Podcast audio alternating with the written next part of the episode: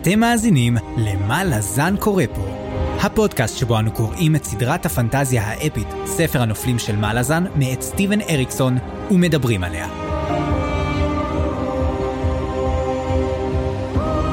אני צפריר, ואני חיים. והיום פרק מספר 66, שבו אנחנו קוראים את הפרקים השביעי והשמיני, ונתחיל את החלק השני, מעלות קרות עיניים, בספר הקריאה לכלבים, הספר השמיני בסדרה. כן, צפריר, איזה יופי. איזה כיף, אנחנו מתחילים להיכנס לעניינים שוב, וסורי לכולם, למי שחיכה לפרק אה, שבוע, אבל אנחנו פה. אני לא סולח, אני כבר שכחתי הכל. אתה יודע מה חיים? אני שכחתי, אז אולי באמת תעשה לנו איזה תקציר קטן? אבל אתה עושה את התקציר, צפריר. מה? אוי, שכחתי, אז... אה, אוקיי, אוקיי, אני אכתוב, אני אכתוב, אני אכתוב משהו. אוקיי, תמשיך, תמשיך לדבר, אני, אני, אני כותב, אני כותב, אני כותב, כן. אני מושך את הזמן, הנה אני מושך את הזמן, צפריר כותב משהו. רגע, תן לי רק לרשום. מה לזן קורה פה? אוקיי, אוקיי. לא סיימת? אוקיי, יאללה. אז תזכיר לנו כן. מה קרה צפריר. אז אה, בפרקים הקודמים של מה לזן קורה פה, אנחנו סוגרים את החלק הראשון של הספר, ונראה שאנחנו מבינים איך הספר הזה הולך להיראות. אז בתקווה שאריקסון לא יעשה לנו אריקסון, נתקדם הלאה עקב בצד אגודל, ונגלה שאנחנו בגנבקיס בחלק הראשון, בחלק השני נקפוץ ללת'ר, בשלישי קופצים לקוונטלי, ובסוף לקונברג'נס באסייל. כלומר, אנחנו מקווים אבל לא אופטימיים. בכל מקרה, הספר מתקדם בשלושה נתיבים מקבילים, אשר ללא ספק יצטרפו מתישהו. אבל בינתיים הם מתפתחים יפה מאוד לאיתם, וכל אחד מהם בצורה משל עצמו. קו, מעגל ופסיפס. ראשונים בקו הרציף, העלילה הליניארית שלנו. חבורתו של נימנדר מגלה כי יש משקה חזק יותר מקוקה קולה, והוא לא טעם החיים כי טעם המוות. דרך ההפצה שלו היא ייחודית, ובאמת עדיף לשמור אותה במזוודה ולא לגלות אותה לאף אחד. אבל אנחנו כאן כדי לחשוף שבשביל לעשות אותה צריך לשתות את הדם של האל הגוסס, ואז להתעלות כמו דחליל במשך מספר ימים. את הנוזל השחור שיגר ממכם צריך לאסוף בצנצנות, לקר במשך שלושה ימים ולהגיש בטמפרטורת החדר, אם אפשר. כאשר נימנדר וחבורתו מתערבים בתהליך הייצור הם מותקפים, וקליפ מיודענו נכנס לקומה. בניסיון להציל אותו, החבורה יוצאת במסע אל מקורו של האל הגוסס, ומוצאת מיודע אחר חמוד שלנו, קאלו. הצורה השנייה, המעגל. מסלול שחוזר על עצמו שוב ושוב, ואלו הם הטיסטה אנדי. בעוד שחשבנו שהטיסטי אנדי הם למעשה נערים גותים וחובבי להקות אמו משנות התשעים, מתברר שהם עושים את זה כבר אלפי שנים. הגזע אינו מסוגל להתקדם הלאה כי כל התקדמות מחזירה אותם לאחור במעגל אינסופי. על אף שהנומנדר מבין את זה ונראה שסוף כל סוף הוא מחליט לשבור את המעגל. וכך כל מי שמתגורר בקורל השחורה, שעבורו הזמן נעצר, אין יום ואין לילה. ואפילו אסיר דומין אינו מסוגל לקבל מחדש את שמו, אלא נשאר תקוע בעבר.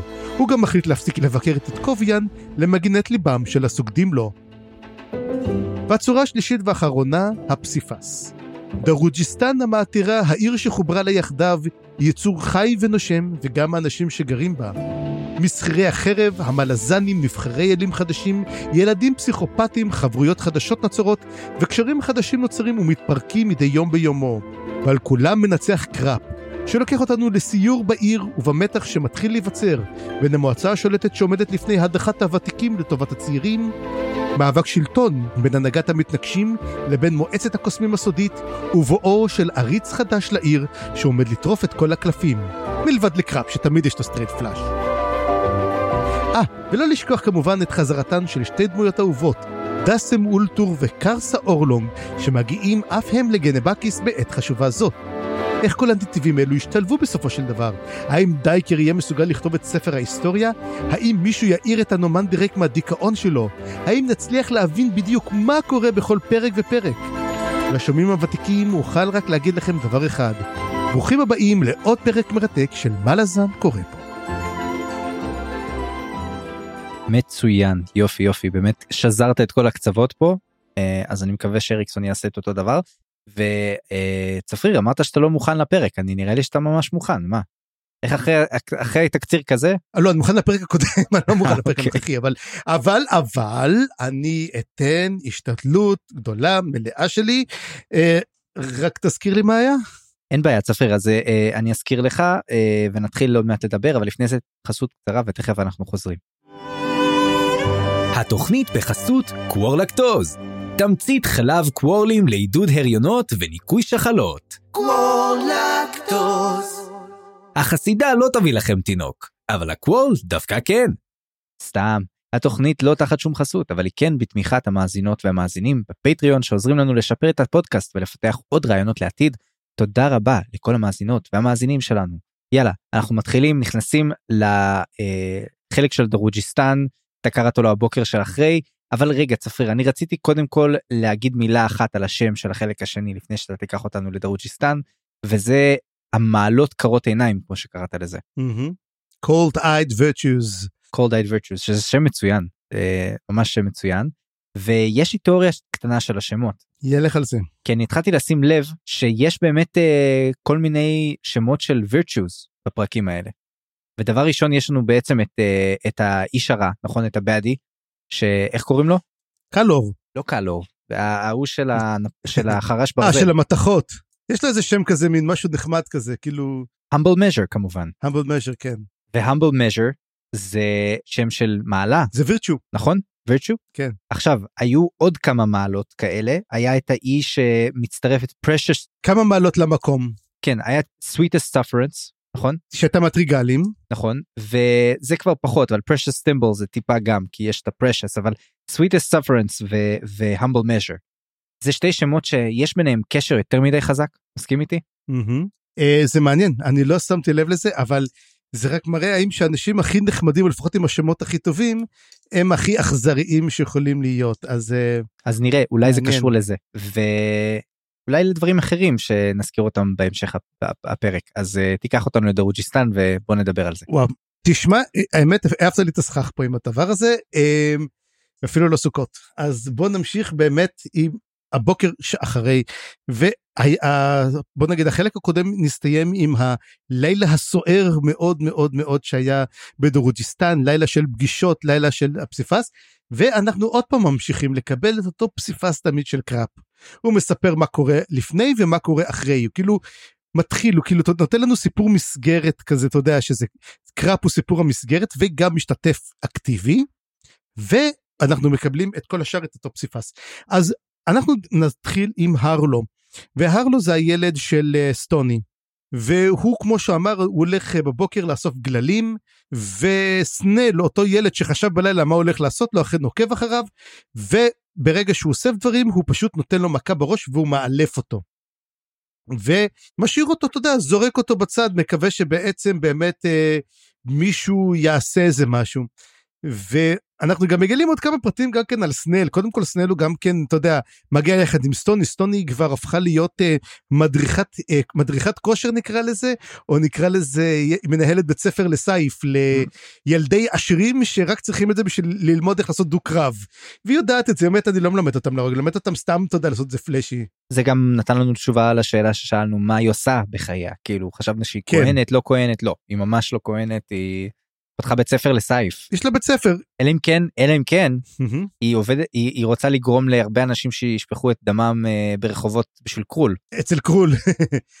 אופציה אופציה מעניינת אהבתי ובעצם מה שאנחנו רואים פה זה שסנל הוא זה שבעצם לוקח את הכסף ונותנת לו אותו ובאמת תעביר אותו להורים שלך אבל סנל הולך אותו לוקח אותו ולך תדע מה עושה עם הכסף הזה יענו ילד כאפות שאתה יודע יש את הדמויות שלפעמים שאתה אומר וואלה אני שונא אותן אז סנל אני שונא אותך את סמל ולא דד סמל אלא סמל ובאמת אני מקווה שסנל הזה ילך קפוט. סנל זה כזה שם מחליא כאילו זה כזה שם שאתה רוצה לכפכף כן, כי זה כמו סמוכתה או, סנייל כזה, אתה יודע, זה, זה שם מכופכף לגמרי.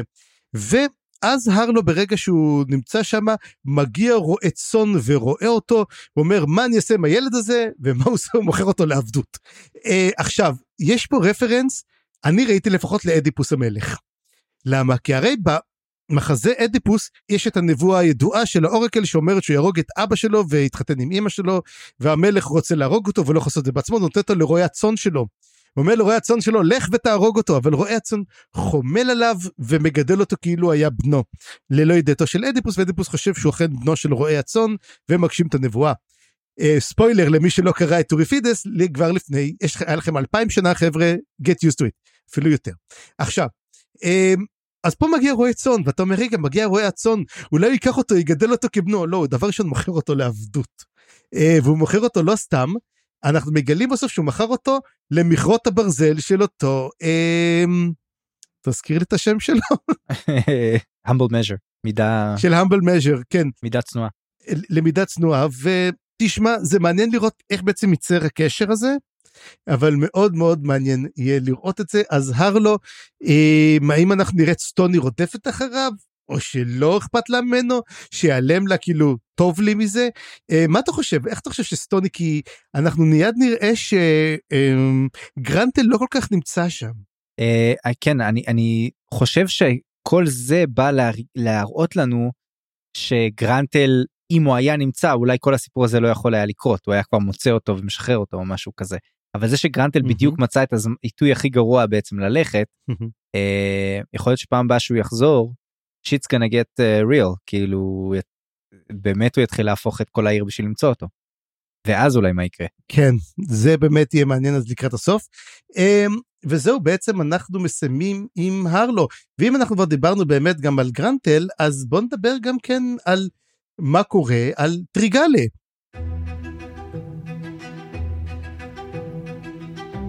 ואני קראת לזה, כולם רוצים להיות טריגלה, והטריגלה, הרי קראנו אותם חוזרים בפעם הקודמת מאיזה מסע נוראי, ואז אנחנו מגיעים למעשה אה, למפו.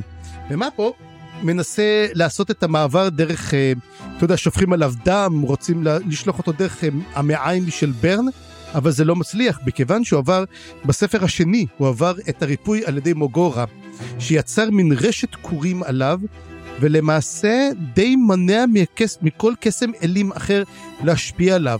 השאלה, אתה חושב שזה מין קס... בגלל שזאת האלה של מוגורה, או בגלל שזה, אתה יודע, אה, כמו מין, אתה יודע, מה שקורה לקרסה אורלונג, ששום קסם לא יכול להשפיע עליו?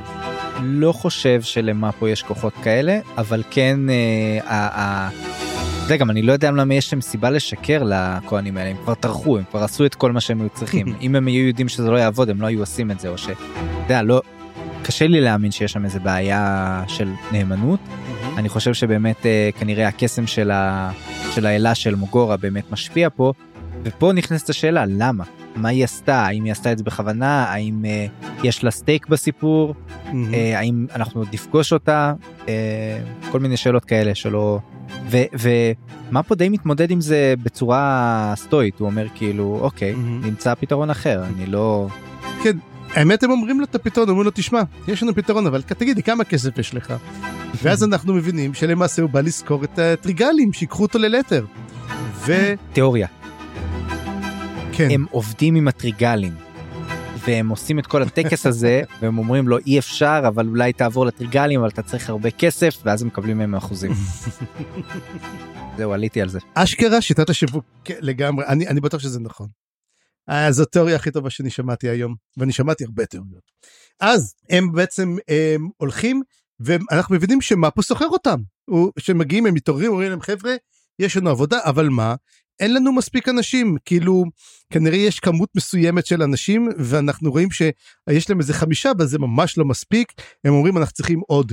ואנשים חדשים מצטרפים כשיר הולדרס כסטייק הולדרס אנחנו מגיעים על שלושה ג'ולבול אמביבול ופרשס טימבל שג'ולבול ואמביבול הם כמובן ממוט מהמוטי רגולרס ופרשס טימבל ששניהם בעצם רבים עליה למעשה, כאילו, והיא לא שמה על אף אחד מביניהם, או משהו כזה. אבל היא משחקת בהם יפה מאוד. אז אה, קודם כל דמויות מאוד מעניינות, מאוד חביבות. תגיד, נשאר מישהו מהמוט אירגולרס במוט בכלל? שאלה נהדרת, נראה לי זה שניים שלושה משהו שם. נראה לי שלא. או, או, או שאלה יותר טובה, כמה היו בהתחלה? כמה אחים הם? היו הרבה, היו הרבה, היו הרבה. וההפתעה הגדולה שבעצם גרנטל מצטרף לטריגלים, הוא אומר, שכיר חרב שכיר חרב, לפחות אני ארוויח גם כסף, כי והרבה כסף, והוא הולך איתם. ובאמת הוא עושה את זה אחרי שהוא באמת פוגש את סטוני, ואנחנו באמת רואים מה סטוני עושה, ותשמע, לא יודע מה איתך, אבל אני מחכה לגמרי להרפתקאות הטריגלים, ולראות דרך איזה משעולים הם ינסו להגיע ללטרס ומה לכל אורחות קרה בלטרס ולאיפה הוא יגיע ומה קורה עם ביקריום שם וזה הולך להיות מאוד מאוד מעניין. לגמרי וגם בוא, בוא נזכר רק שנייה קודם כל אה, גרנטל זה חתיכת רכש מצוין בשביל אה, אתה יודע מורטל סורד זה לא משהו שאתה בדרך כלל מקבל בגיוסים שלך Mm-hmm. ריגלים ודבר שני אה, ג'ולה בול ואנבי בול הולכים אחרי אה, פרשס טימבל שהיא מחשבת ביצה. וזה גורם לי לחשוב שכבר היה לנו סיפור דומה לא עם אה, אה, אצל המלאזנים היה לנו מחשב ביצות. אצל המלזנים היו מחשבי ביצות שם גם מהאזור של מוט אולי. משהו מהמם. אני מת לדעת כבר מה קורה מה הרי הם גרים בביצה הם גרים בביצה גם הקרב שמדובר על הקרב שלהם במוט הוא היה בביצה זאת אומרת אמ, אנחנו לא יודעים כל כך מה הם עושים אבל והם. עקבו הם אנחנו יודעים שהאחים האלה עקבו אחריה כאילו הם Mm. זה הזכיר לי קצת את הסיפור האהבה שהיה לנו בספר הקודם בסוף הספר הקודם. אני כבר לא זוכר בדיוק מי זה אבל היה מי? שם מי נגד מי אבל היה. לא זה מזכיר את הסיפור שהם עם איך קוראים להם הגדולה הזאת השחורה. כן כן וואי. תראה מה קורה תראה מה קורה. אני כבר לא זוכר כלום זהו, בספר. זה- יאללה בוא נ- בוא נמשיך הלאה. אז בפרקים הקודמים של מה לת... אז זה לא עשינו את זה טוב. אז בעצם אחרי שאנחנו סיימנו את הנושא הזה של הטריגלה בוא נעבור בעצם לקטע שקראתי לו אלו הם חייך צ'ליס וידיקס וצ'ליס היא לא דמות שאני אהבתי אותה בספר הראשון להפך לא אהבתי אותה שזה די ברור והיא מאוד עצבנה אותי כל המערכת היחסים שלהם קרוקוס ההתנשאות שלה אתה יודע מין ה vibe הזה של ה cheerleader הנערה הפופולרית וכל זה ואנחנו שמים לב שלמעשה המצב שלה גרוע היא התחתנה עם עם גורלס וידיקס והיינו בטוחים שזה באמת סיפור אהבה גדול הרי הוא הציל אותה שם אצל סימטל ואמרנו הופה וזה. אבל מתברר שלמעשה גם גורלס שרדן לים והנות אור אור הם למעשה אותו אתה יודע היה chancellor לים שזאת אשתו הלכה עם, עם, עם מוריליו אם אתה זוכר והוא הרג אותו ואמרנו אור איך זה? הנות אור זה הבן של אורבן אור. טורבן. איך? טורבן אורס נכון טורבן לא אורבן טורבן אור. ובעצם אנחנו רואים שבעצם אתה יודע אותו משחק קורה עוד פעם. רוצים להעיף את האבא של צ'אליס את אמ, איך זה את דיארט ורוצים גם כן להכניס את הצעירים שלהם. והוא למעשה גורלס הוא די סוחר בצ'אליס כאילו אומר מי שיתמוך בי עכשיו הוא יקבל את אשתי אתה יודע ללילה או משהו כזה ממש סוחר בה בקרירות והיא גם אומרת היא די רומזת את זה בצורה מאוד מאוד מאוד ברורה שגורלוס הוא הומוסקסואל. הוא אפילו לא בי הוא הומוסקסואל איך היא אומרת שהדרך היחידה שיכול לשכב איתה זה רק אם הוא שם אותה על הבטן. זאת הדרך היחידה אה, והוא גם בקושי עושה את זה הוא רק עושה את ה... איך להגיד את זה את ה... נקרא לזה את החובות המשפחתיות שלו. אה, כן לא זה באמת אה, תיאור עגום ומזעזע של המערכת יחסים ביניהם. של חייה כן. אבל גם אתה יודע התיאורים פה של המשחקים הפוליטיים שלהם מאוד הזכיר לי את העניין הזה של פסיכולוגיה הפוכה משחקים כאלה שהם מהמם. נראים לא מה שהם באמת הם, הם עושים את עצמם כאילו הם פוחזים וצעירים וזה הם משחקים לתוך ה image הזה הרבה. וזה מראה שהם הרבה יותר מסוכנים ממה שהם נראים הם רוצים להפיל את קול. נכון אה, שהוא. אחד כן. מהראשיים במועצה אם לא הראשי. ויש להם תוכניות והאם הם יצליחו או לא זאת שאלה מאוד מאוד גדולה ואפילו צ'אליס שהיא רוצה, מודעת לתכנונים האלה אה, רוצה להגיד את זה לאבא שלה אבל אה, קיצור המשחקים הפוליטיים האלה גורמים לי לחשוב שאולי יש בהם יותר ממה שנראה לעין. כן, ואני גם כן אוהב פוליטיקה, אני אוהב מאוד מאוד משחקים פוליטיים. את כל אנחנו בקושי ראינו בספר הראשון, אז זה ממש הזדמנות, אה, ראינו אותו קצת פה ושם מדי פעם, אז זה כיף באמת לראות אותו, לראות בפרלמנט, לראות אותו איך הוא עושה את זה, אם נראה באמת את הפרלמנט, יהיה מעניין. וזהו, וצ'אליס מסתכלת באמת על מתנות החתונה שהיא קיבלה שמה, והיא מרגישה שזהו זה, היא, היא רוצה לברוח מהחיים האלו, ממה שקורה, ו... הנה זה פה ואני חשבתי אתה יודע אתה קורא ואתה אומר לעצמך הנה אנחנו קוראי המטה אנחנו כבר מבינים מה הולך. האם הולכת להיות השפעה על קאטר? האם קאטר היא תפגוש במקרה בקאטר ותגיד לו תוציא אותי מפה וקאטר הולך להסתבך עם המועצה? אמ, נראה לי בעצם מתחיל פה איזה פלונטר לא קטן. כן לגמרי בהחלט פלונטר. אז תגיד לי אתה כתבת שיש לך פה קשר לירח אז בוא תסביר לי מה אתה מדבר. כן כשהיא מדברת על החפצים האלה שלה שהיא נפטרת מהם יש בעצם אזכור לאיזשהו ירח איזשהו חפץ שדומה לירח וזה כמובן התמה של הירח שהיא נזכרת גם בקאטר וב... יותר נכון בקרוקוס ובסיפור הזה של גני הירח שאנחנו מכירים מהספר הראשון כל, האל, כל כן אבל הזאת. הוא מספר את זה הוא, הוא לא מספר אותו קרוקוס מספר אותו ל...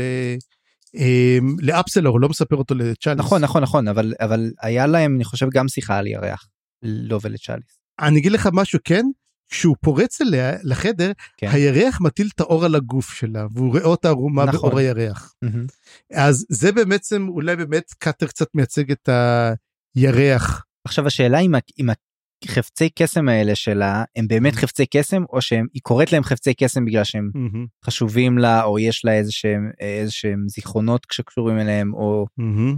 לא ברור. Um, כי יכול להיות שאתה יודע שהיא בתור uh, מישהי עם אמצעים יכול להיות שהיא עושה איזה dabbling כזה עם כוחות קסם או חפצי קסם אני יודע. אבל לגבי השאלה שלך יש תשובה בסוף הפרק היא בהחלט מתכננת לברוח. היא בורחת. זאת אומרת. כן. ואנחנו גם יודעים שהיא מודעת היטב לתיכונים של גורלס. היא אומרת אבל שאבא שלה מילה אבא שלה אמא שלה מתה זאת אומרת אנחנו מבינים שבשנים שקרו אמא שלה מתה ואבא שלה נשבר. מה שגם אני אומר שאני חושב שגורלס דאג לזה שאמא שלה תמות או שזה היה ניסיון התנגשות כושל אה, בו ובא ולמעשה אה, או שבא בעצם לשתק אותו. את אותו אה, אביה של צ'אליס. אני חושב שגורלס מספיק רע בשביל לעשות כזה דבר. יכול מאוד להיות. וכן, ו- ובאמת אנחנו נסיים עם צ'אליס ונעבור הבא בתור לפונדק הפיניקס. אה, יש לך איזה פרסומת קטנה לפונדק הפיניקס? משהו? לא? אה, אה, לא, יהיה משהו אחר. או, אוקיי, מגניב. אז אנחנו מדברים בקשר אה, קאטר, ואנחנו מגיעים לקאטר, וקאטר מדבר יחד עם מוריליו. וקאטר מאוד מאוד השתנה. זאת אומרת, ממש מדברים, אנחנו מדברים על חמש שנים עברו, אמרנו שש שבע שנים, נכון בערך אמרנו?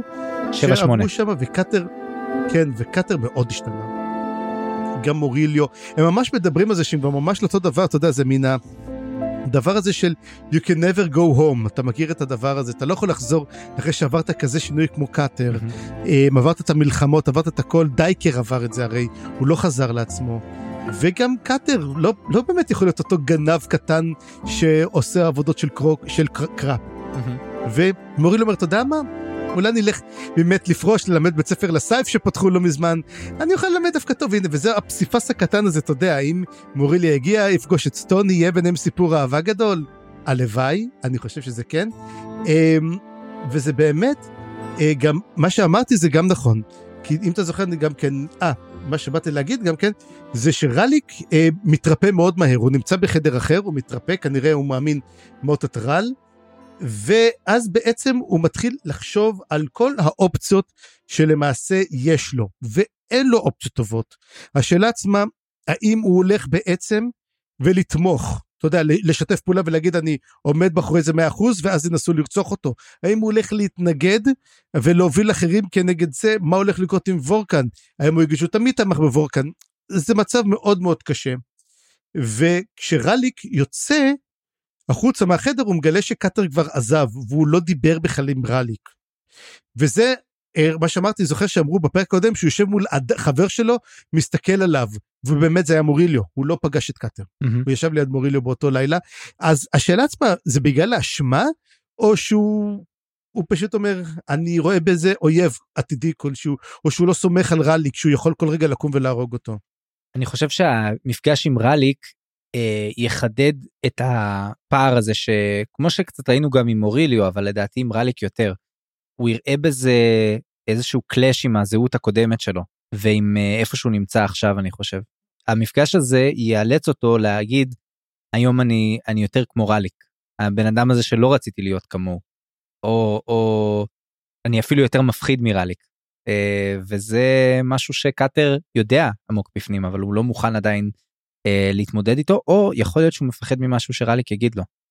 הוא מפחד שרליק יעשה לו על זה רגשי או משהו כזה. נראה לי שיותר מפחד שרליק ייקח דמי גביית גילדה עכשיו ממנו. תראה, אתה חושב, ש... אתה חושב שיש סיכוי שקרוק... שקאטר יצטרף לגילדת המתנגשים? אה, כן, סיכוי יש. השאלה מה רליק יעשה והאם זה יעמיד אותם משני צידי המתרס או שדווקא mm. הוא יעזור לו להיכנס או שהם יקימו גילדה מתחרה. לך תדע. אני חושב שבעצם קאטר יבוא וילך דווקא לברוק, כי הרבה פעמים לא דיברנו עם ברוק, ואני חושב שיהיה מעניין לראות בעצם, אתה יודע, הרי ממוט היה הרי דוד שלו, וברוק היה למעשה גם כן רצה ללמד אותו ורצה לעזור לו, אז יהיה מעניין לראות בעצם האם ברוק ישתמש בו למשהו אחר, כי עכשיו יש הרבה יותר שימושים. בכלל, כל הסיפור של מה שקורה עם קאטר, הוא ממש טורף את הקלפים, אתה יודע. אנחנו מגיעים לנקודה כזאת שכל פעם אנשים מגיעים ומשנים קצת את הסדר הקיים. וקאטר הוא לגמרי מין כמו המטבע של אה, אופון. הוא לגמרי יכול להיות פעם למטה פעם למטה הוא, מש, הוא, הוא ace כזה הוא כזה wild card אתה לא יודע מה הוא יכול לעשות בכל מצב נתון הוא יכול לעזור לצ'אליס הוא יכול אגב הוא יכול להרוג אותה גם כן זאת אומרת הוא יכול לקרות הכל ואתה יודע זה מה שאני אוהב בעצם שאתה אומר וואלה הכל יכול לקרות וכל אחד מצפה כבר לראות איך זה ייפתר. ויהיה מעניין לראות את זה. בהחלט.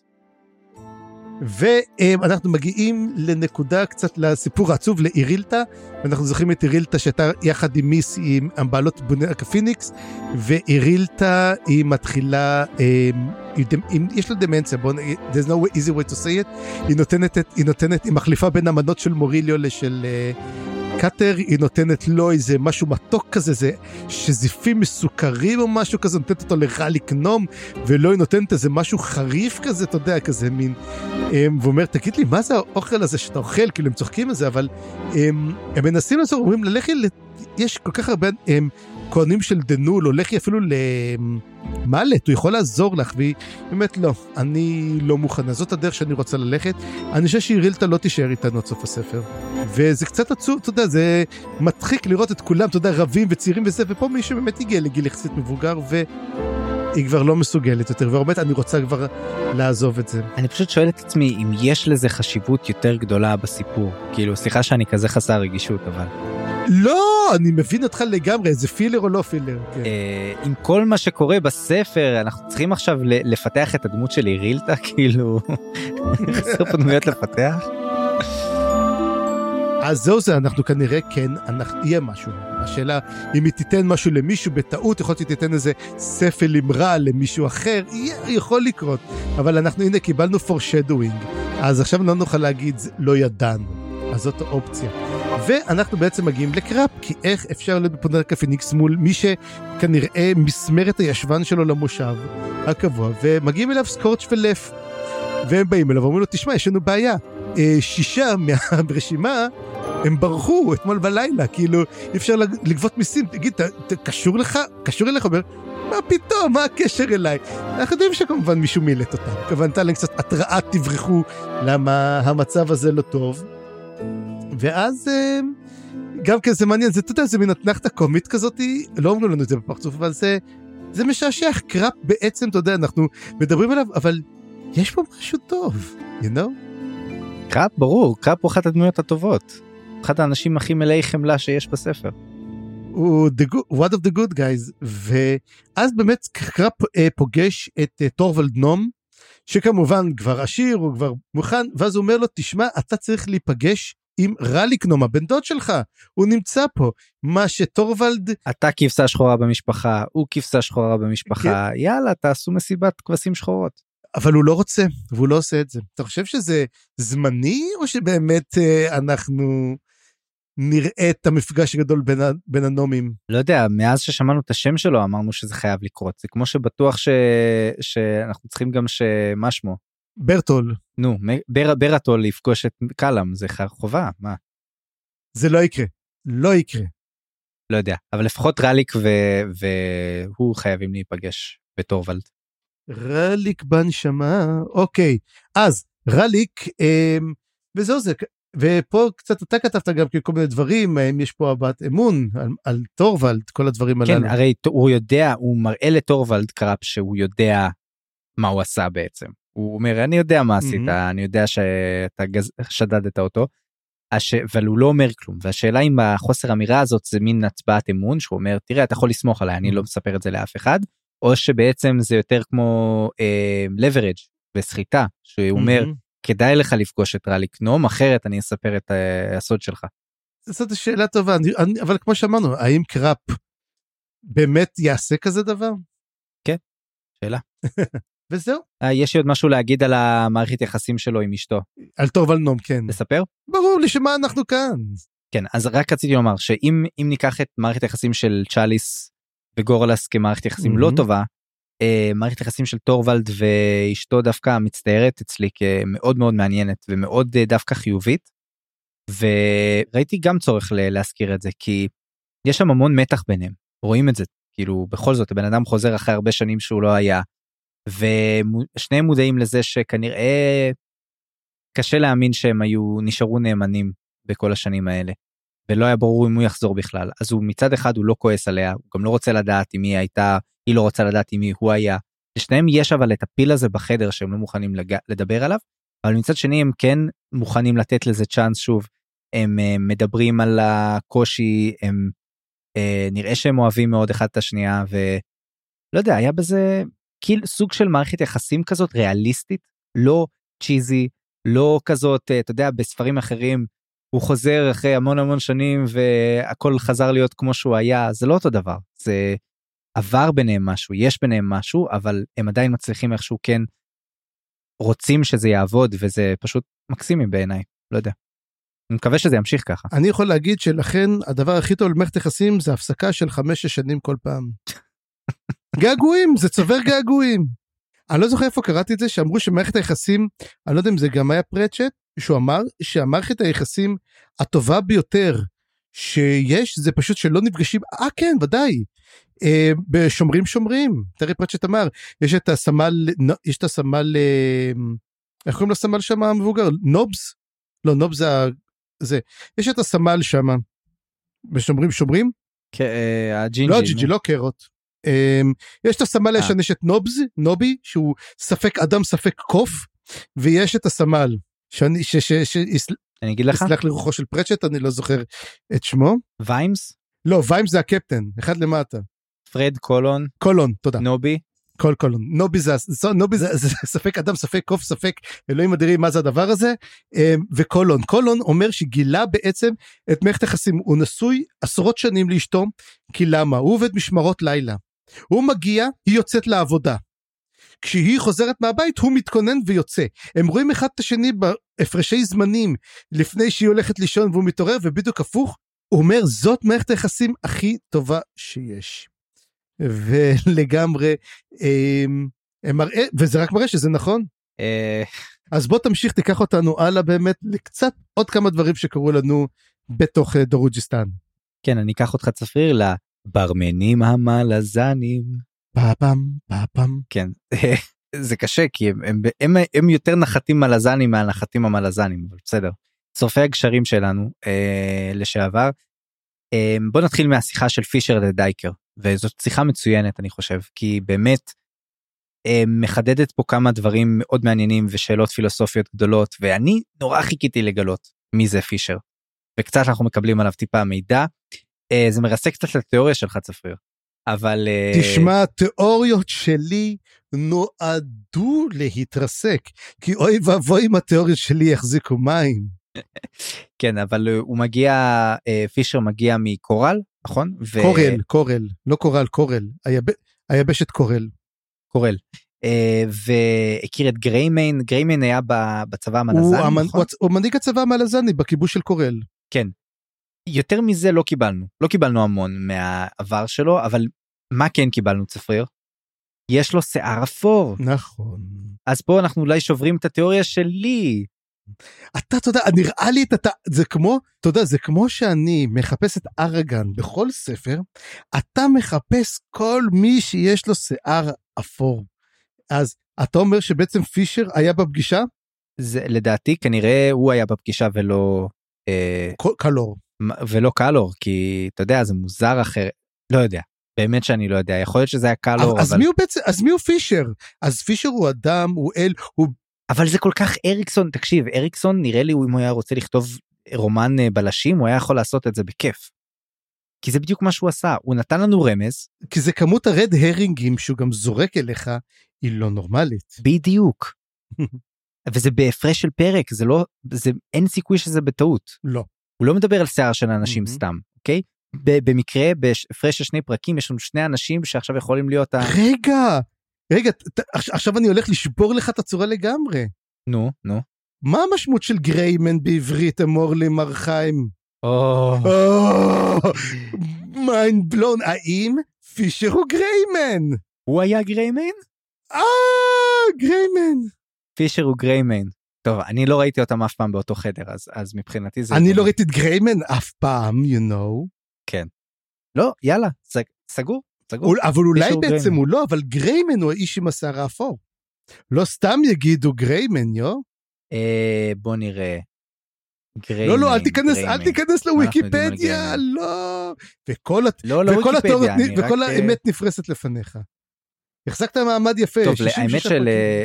יש לך מזל, עשיתי בגוגל, אבל יש לך מזל כי גריימן זה בעיקר דמות מוורקראפט, שכנראה זה יותר חשוב. וורקאפט הרבה יותר חשוב, זה נכון. טוב, בכל מקרה, בכל מקרה, אה, בוא נדבר רגע על השיחה ביניהם. והשיחה ביניהם. מדהימה. כי בעצם מה, מה, מהי ההיסטוריה, היבט על היסטוריה, על היסטוריוגרפיה, מי כותב היסטוריה, מה אנחנו מחפשים בכתיבת היסטוריה, ובאמת יש פה שתי, שתי גישות שונות, יש בעצם את הפייטן ויש את ההיסטוריון. ודייקר הוא ההיסטוריון ו, ופישר הוא הפייטן, ואז פישר אומר לו, בעצם שנינו מתעסקים בהיסטוריה, אבל ההיסטוריה שלי, אותי לא מעניין מה היה באמת. מה שמעניין אותי זה הסיפור. ואני לא מחפש לייצג את האמת. והאמת שכשלומדים היסטוריה ברצינות, ואני למדתי קצת באוניברסיטה, לא יודעים, תואר ראשון, לא משהו יותר אז מזה. לא ברצינות בקיצור. אבל- כן. לא. לא, לא ברצינות ברצינות, אבל, אבל כשהם מתחילים ללמוד היסטוריה ברצינות, פתאום מגלים שזה לא כזה פשוט לדבר על אמת היסטורית. כאילו, זה נורא נורא נורא נורא קשה. ולהגיד מה, מה באמת, אה, מה אנחנו מחשיבים כאמת, מה לא אמת. והיסטוריה זה, זה תחום מאוד מאוד כזה מעורפל. אבל פישר שהוא לכאורה היסטוריון אה, רציני והוא מנסה כן להגיד דברים מבוססים וכולי, נתקל פתאום בבעיה, כי כשהוא מגיע לספר את הסיפור של שרשרת הכלבים, יש קלאש נורא חזק בין הסיפור שלו לבין מה שהוא היה בדרך כלל כותב כהיסטוריון, הוא לא מצליח לאחה בין הקרעים האלה.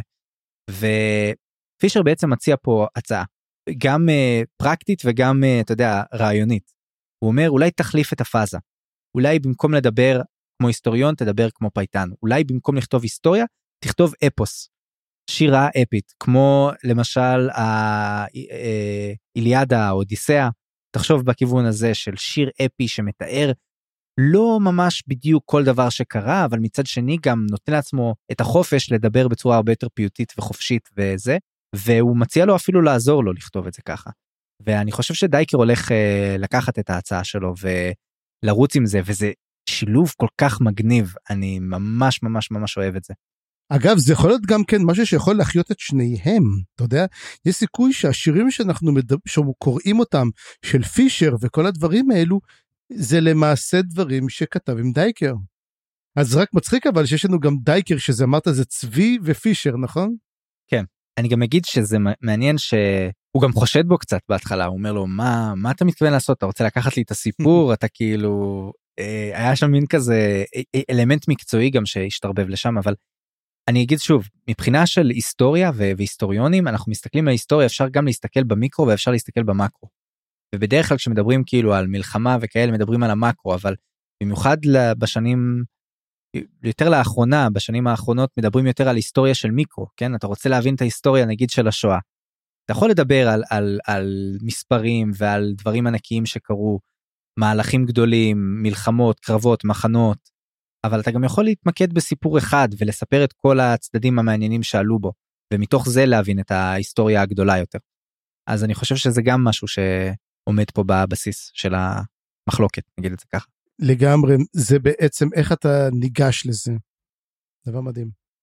בכלל אחת השיחות הכי מעניינות הכי מעניינות שהיו אה, בפרק הזה. לגמרי וגם פישר הרי הוא שר פה כל מיני קטעים לא מוכרים מהנומנדריס. ואחת מהאפיגרפים של הפרקים זה באמת חלק מהנומנדריס שהוא מדבר על uh, איך שהנומנדר עומד ניצב לבדו. ואני תוהה לעצמי כמה פישר מחובר לדמות של הנומנדר כמה הוא באמת uh, מושפע ממנו כי הרי הוא שר קטעים מהנומנדריס כל הזמן. אז אני תוהה לעצמי אם פישר מאוד אה, מוטרד או, או עוקב אחרי האירועים שקורים בבלק קורל. אולי הוא החיבור לסיפור שקורה שם. או שאנחנו צריכים להבין דבר אחר, אמ, מי, הרי אנחנו יודעים מי כתב את האנומנדריס, זה גוטוס. נכון. נכון? אנומנדריס כתב את, גוטוס כתב את, ה- לא, לא, זה פישר. לא, אנומנדריס כתב פישר. פישר הישן, מהמם. העתיק. אני עוד לא ראיתי אה, הוכחה שפישר הישן זה פישר הישן, זה לא פישר. יש את גוטוס פולי, אלו הספרים הידועים, זה גוטוס פולי ואנומנדריס. אנומנדריס. השאלה אם אנומנדריס הוא, הוא מין שירה עתיקה כזאת, אתה יודע, זה כמו האיליאדה, האודיסאה כזאת. אה, לכאורה כן, לכאורה כן. אבל שוב, אה, יכול להיות שפישר פה עושה משהו כמו, אתה יודע, הסיפורים הגנוזים של קארל צ'אפק. קראת? אתה מכיר? מוכר לי, לא יכול לשים את האצבע שלי. וואי. חובת קריאה זה פשוט אוסף סיפורים קצרים שהם כולם מתכתבים או, מת- או ממש ממשיכים סיפורים מוכרים אחרים, החל משייקספיר וסיפורים מהתנ"ך והברית החדשה ומחזות מוכרים. אה, הוא פשוט לוקח כאילו דמויות וכאילו מספר את הסיפורים שלא נכתבו. נשמע נחמד. זה ממש מצוין. אז אה, אה, זה ממש מזכיר לי את זה אם כן, אז יכול להיות שפישר קלטת כותב את זה באמת. אה, אוקיי, אז בוא נעבור לשאר מה שקורה. התעכבנו פה קצת על פישר, אבל בפונדק בעצם יש גם את הנחתים המלזנים שעכשיו, כמו שאמרת, הם בלילה שאחרי. והיה להם לילה קשה, עבר על כוחותינו, היה הוללות, הייתה כנראה אורגיה רצינית אה, בין הרבה דמויות שם. שמע, לא ברור, כנראה זה הכל בהשפעת החלב קוורלים הזה, אני מאוד מקווה שכולם יצאו בסדר מהסיפור ואף אחד לא או נפגע. בהיריון, כן. כן, אבל אה, הם לא זוכרים כל כך מה קורה, מה קרה שם, אבל הייתה מסיבה רצינית. ויש אה, מסתבר תחרות גדולה עם ברתול, עכש- עם, עם אה, אובללה. צפריר. מהמם. יש לנו את אובללה שלונג וברתול, ואני אומר אולי נקרא לו עכשיו בר גדול. לא, בבקשה לא. אבל אה, כן צריך אה, צריך שצריך שהם ייפגשו אנחנו צריכים פה לעסוק גם לפעמים בפליומטריה אנחנו זה לא מתחתנו צפריר. לא, חס ושלום, ממש לא מתחתנו, אבל, אבל לא, לא, צריך לחשוב, זה צריך להיות ממש טוב, אתה מבין? צריך להיות טוב אוקיי. ויש לך שאלה למה ברטול ומלט הלכו לפגוש את גילדת הנפחים. הולכים, אין כן, בבוקר הם הולכים לפגוש את גילדת נפחים, כאילו, א', אנחנו לא יודעים שבכלל ברטול מכיר את מאלט, הוא לא מכיר אותו הרי, ולמה הם הולכים לגילדת הנפחים כדי לגלות מי למעשה אה, ניסה להרוג אותם? לא כל כך היה ברור לי הסיפור הזה. אני גם לא הבנתי את זה אבל אני אגיד אה, שיש לברטול עניין עם גילדת הנפחים בכל מקרה הוא רוצה להיות שם. הוא נפח. אה, זה, מה, הוא בא להשתקע? כן כן הרי זה כל היה הסיפור לכן הוא הגיע לזה אולי מלט הולך לעזור לו וזה לא קשור למתנגשים. למה דווקא מאלט? אבל הולך איתו. קודם כל אחרי אתמול אולי הם כבר בסטיס אני לא יודע אולי הם כבר אה, חברים טובים או מאהבים אפילו אני לא יודע הוא לא היה שם אבל, בסיפור, אה, מאלט לא היה שם. איך אתה יודע אתה היית שם כן, הייתי שם. הצצתי מהדלת הפתוחה שאנסי לא תיקן עדיין. אני שמע אני לא יודע. לא יודע מלט נשמע לי כמו בחור טוב שרוצה לעזור לאנשים אוקיי. אבל אה, נראה שברטול כבר אה, איך אומרים את זה? בפרק, בפרק הבא, בפרק הבא. אמ, אבל בלו פרל גם יש לו קטע שהוא פוגש איזושהי רוח רפאים במרתף וזה היה גם סצנה חב- חביבה מאוד. הייתה מוזרה אה, לי נורא. רוח של- לא, לא הבנתי מה הסיפור כן. היה שם. אוקיי נכון זה היה מקדש קרול פעם נכון. אז יש רוחות יש רוחות כן, אבל, אבל על. מה הוא דיבר איתו? זה, זה עזר למשהו? זה קידם במשהו? כי אני לא אה. הצלחתי להבין. אני חושב שכל הסיפור פה זה באמת להבין כמה העובדה שזה היה פעם מקדש קרול משפיע על חיי היום יום זה כאילו בשביל להבין שזה עדיין שם ולדעתי זה רמז מטרים למשהו אבל אני עדיין לא יודע למה. אבל לדעתי זה כן שם. כן, בלופל מקבל את זה כאילו, אתה יודע, ב... כ- כדרך אגב, אוקיי, זה קורה, זה בא עם המקצוע. אה זה גם בשביל להראות שבלו פרל יש לו יכולות אה, לדבר עם מתים נראה לי זה גם זה. טוב, נראה לי שלכולם יש יכולת לדבר עם מתים במקדש הזה. לא יודע. באמת שאני לא יודע למה רק בלו פרל רואה אותו בתור הקוסם של היחידה. הם כל הזמן מדברים שהיה איזה משהו, אתה יודע, שתמיד יש משהו ותמיד שוכרים כוחות רפאים. אתה יודע משהו, הם... זה אריקסון רגיל, אוקיי, אנחנו קיבלנו איזה טעימה קטנה, זה יחזור יותר מאוחר ובגדול.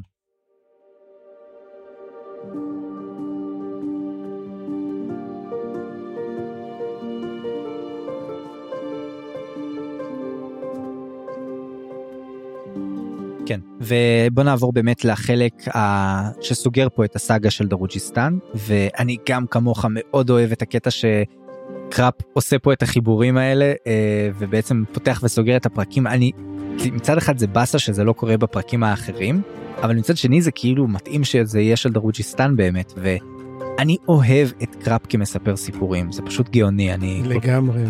כן. אגב, אתה שמת לב, דרך אגב, שהוא קורא לו קרופה? אה, הקריין? כן. כן, אה, זה מזכיר את מה ש... איך שקראו לו בספרים הקודמים, בספרים הראשונים. רלף ליסטר קרא לו גם קראפה. נכון, ואז קראפ וחזר לקראפה. קראפה. לא יודע. אנחנו נשאר, אנחנו נשאר כקראפ. קראפ? כן. קראפ, קראפ, יודע, אתה מבשל קראפ עם כמו פנקק שטוח. אני נזכרתי, אבל אה, אה, אורי, שהוא אחד מהמאזינים שלנו, החביבים, אז הוא אמר לי לקרוא לזה אפי קראפ. גדול, גדול, כל הכבוד אורי. איזה גאוני, אורי, אתה גאון. אוקיי, אז, אז באמת יש לנו פה את הסיום, את האפי קראפ. שהוא סוגר את הפרק ויש פה כמה רמיזות כי הרי הוא מדבר בסוג של שפה מליצית רומזת כזאת ועליתי על כמה מהרמזים האלה אז אני גאה בעצמי אז אני אשתף גם אם זה די obvious. אמ, אז יש פה רמז לפגישה כלשהי שזה קאטר וצ'אליס אני חושב כי uh, הוא מתייחס לקאטר כ-deadly flower. באיזה גאוני זה צפה mm-hmm, deadly כן. flower. כי זה משלב את שני השמות שלו flower קוקוס וקאטר deadly mm-hmm. זה זה הוא עכשיו הוא, הוא נמצא ב, בצומת דרכים הזאת בין שתי הזהויות שלו. ו... אני לא חושב שהוא אה, בצומת דרכים כי הוא הרי הוא בחר בקאטר ממזמן. פה הוא, הוא מתמודד עכשיו מול קרוקוס מישהו היה אבל הוא מבין שהוא כבר לא קרוקוס הוא מבין שהוא מין קרוקוס משודרג כן, נקרא כן. לזה. זאת הכוונה שלי הוא מתמודד עם כן. שתי הזהויות. זאת אומרת הזהות הקודמת גם אם היא לא מה שיהיה היא משפיעה עליו. Mm-hmm. אתה יודע זה כמו התחושה הזאת שאתה חוזר לבית הוריך. או ל, ל, למקום בו נולדת או משהו כזה ואתה אומר וואי זה אני כבר לא שם אני כאילו זה מקום אחר זה מרגיש מוזר אז, אז ככה זה. בכל מקרה יש גם רמז פה לברטול שמחפש חיים חדשים mm-hmm. יש פה רמז לגז ואשתו שלא הופיעו בפרקים האלה אבל הוא מזכיר אותם. אוקיי אז אשתו, אשתו שותלת... חיה רק רק נגיד אשתו חיה כן לא הרגת נכון, לי אותה פעם. קודמת. זהו אני הייתי בטוח שהיא מתה אבל היא לא. ו... אבל כן היא מגדלת משהו בגן ופה אני ש... יש לי תיאוריה שאולי היא רוצה להרעיל אותו. אולי היא מגדלת איזשהו צמח רע. היא תראה היא, יש לה חנות ירקות אני חושב שהיא שותלת את הירקות שלה. אה יכול להיות יכול להיות אבל אני ראיתי בזה מין premonition שהיא הולכת להרעיל אותו עם משהו. מעניין מעניין אהבתי את זה. אוקיי יש פה גם אזכור של גורלס שעושה איזשהו דיל עם יצרן המתכת ומקבל ניהול של מכרות ברזל מחוץ לעיר. שזה מאוד מעניין כי זה מחבר לנו את העניין של המועצה את האינטריגה שם עם הבדי שלנו המבל מז'ר. ויש רמיזה לגורל קשה של הרלו שדיברנו עליו קצת אבל קראפ מחזק פה את הסיפור שהעיקר אולי לקח אותו לבלק קורל דווקא אבל אני אתה אמרת לי שהוא לא לקח אותו לבלק קורל אז אני. תראה אני, אני יכול להיות שאני טועה. הוא אמר למקום חשוך כן הוא אמר למקום חשוך אז אולי זה בלק קורל ולא מכרות. אני חשבתי למכרה מתחת לאדמה אבל יכול להיות שזה אותו מכרה גם כן שהוא מכר לגורלס. האם יהיה קשר? אה זה יכול להיות אבל אתה יודע מה אני אני בוא נגיד בשביל העניין אני אגיד שזה מחלוקת בינינו ונגלה מי צודק. זה מחלוקת לשם שמיים נכון? רק... לג... ברור אוקיי, כמובן אוקיי, כמובן אז בסדר, אז בסדר. אבל אם אני מנצח אני מקבל uh, משהו בפודקאסט. בטח. אני אתן לך חולצה. אני אה אם אני מנצח אני מקבל את התקציר בפרק הבא. יאללה קיבלת בכל מקרה אבל אולי תקבל חולצה וכוס כוס אה, של היזיון אז יאללה אני חושב לתת לך קצת אז אה, בוא באמת אנחנו לפני שאנחנו ממשיכים הלאה הפסקת פרסומות קצרצרה אנחנו נתייפייף נתפדר ונמשיך אחר כך. היי את, אתה, מוכנים להזדמנות של פעם בחיים?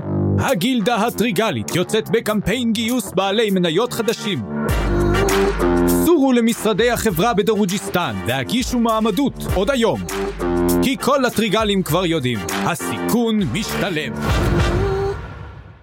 אז אנחנו חוזרים והפעם אנחנו ממשיכים עם כמובן אמרנו יש לנו את הנתיבים עברנו את הפסיפס אנחנו מתחילים למעגל לבלק קורל קנס.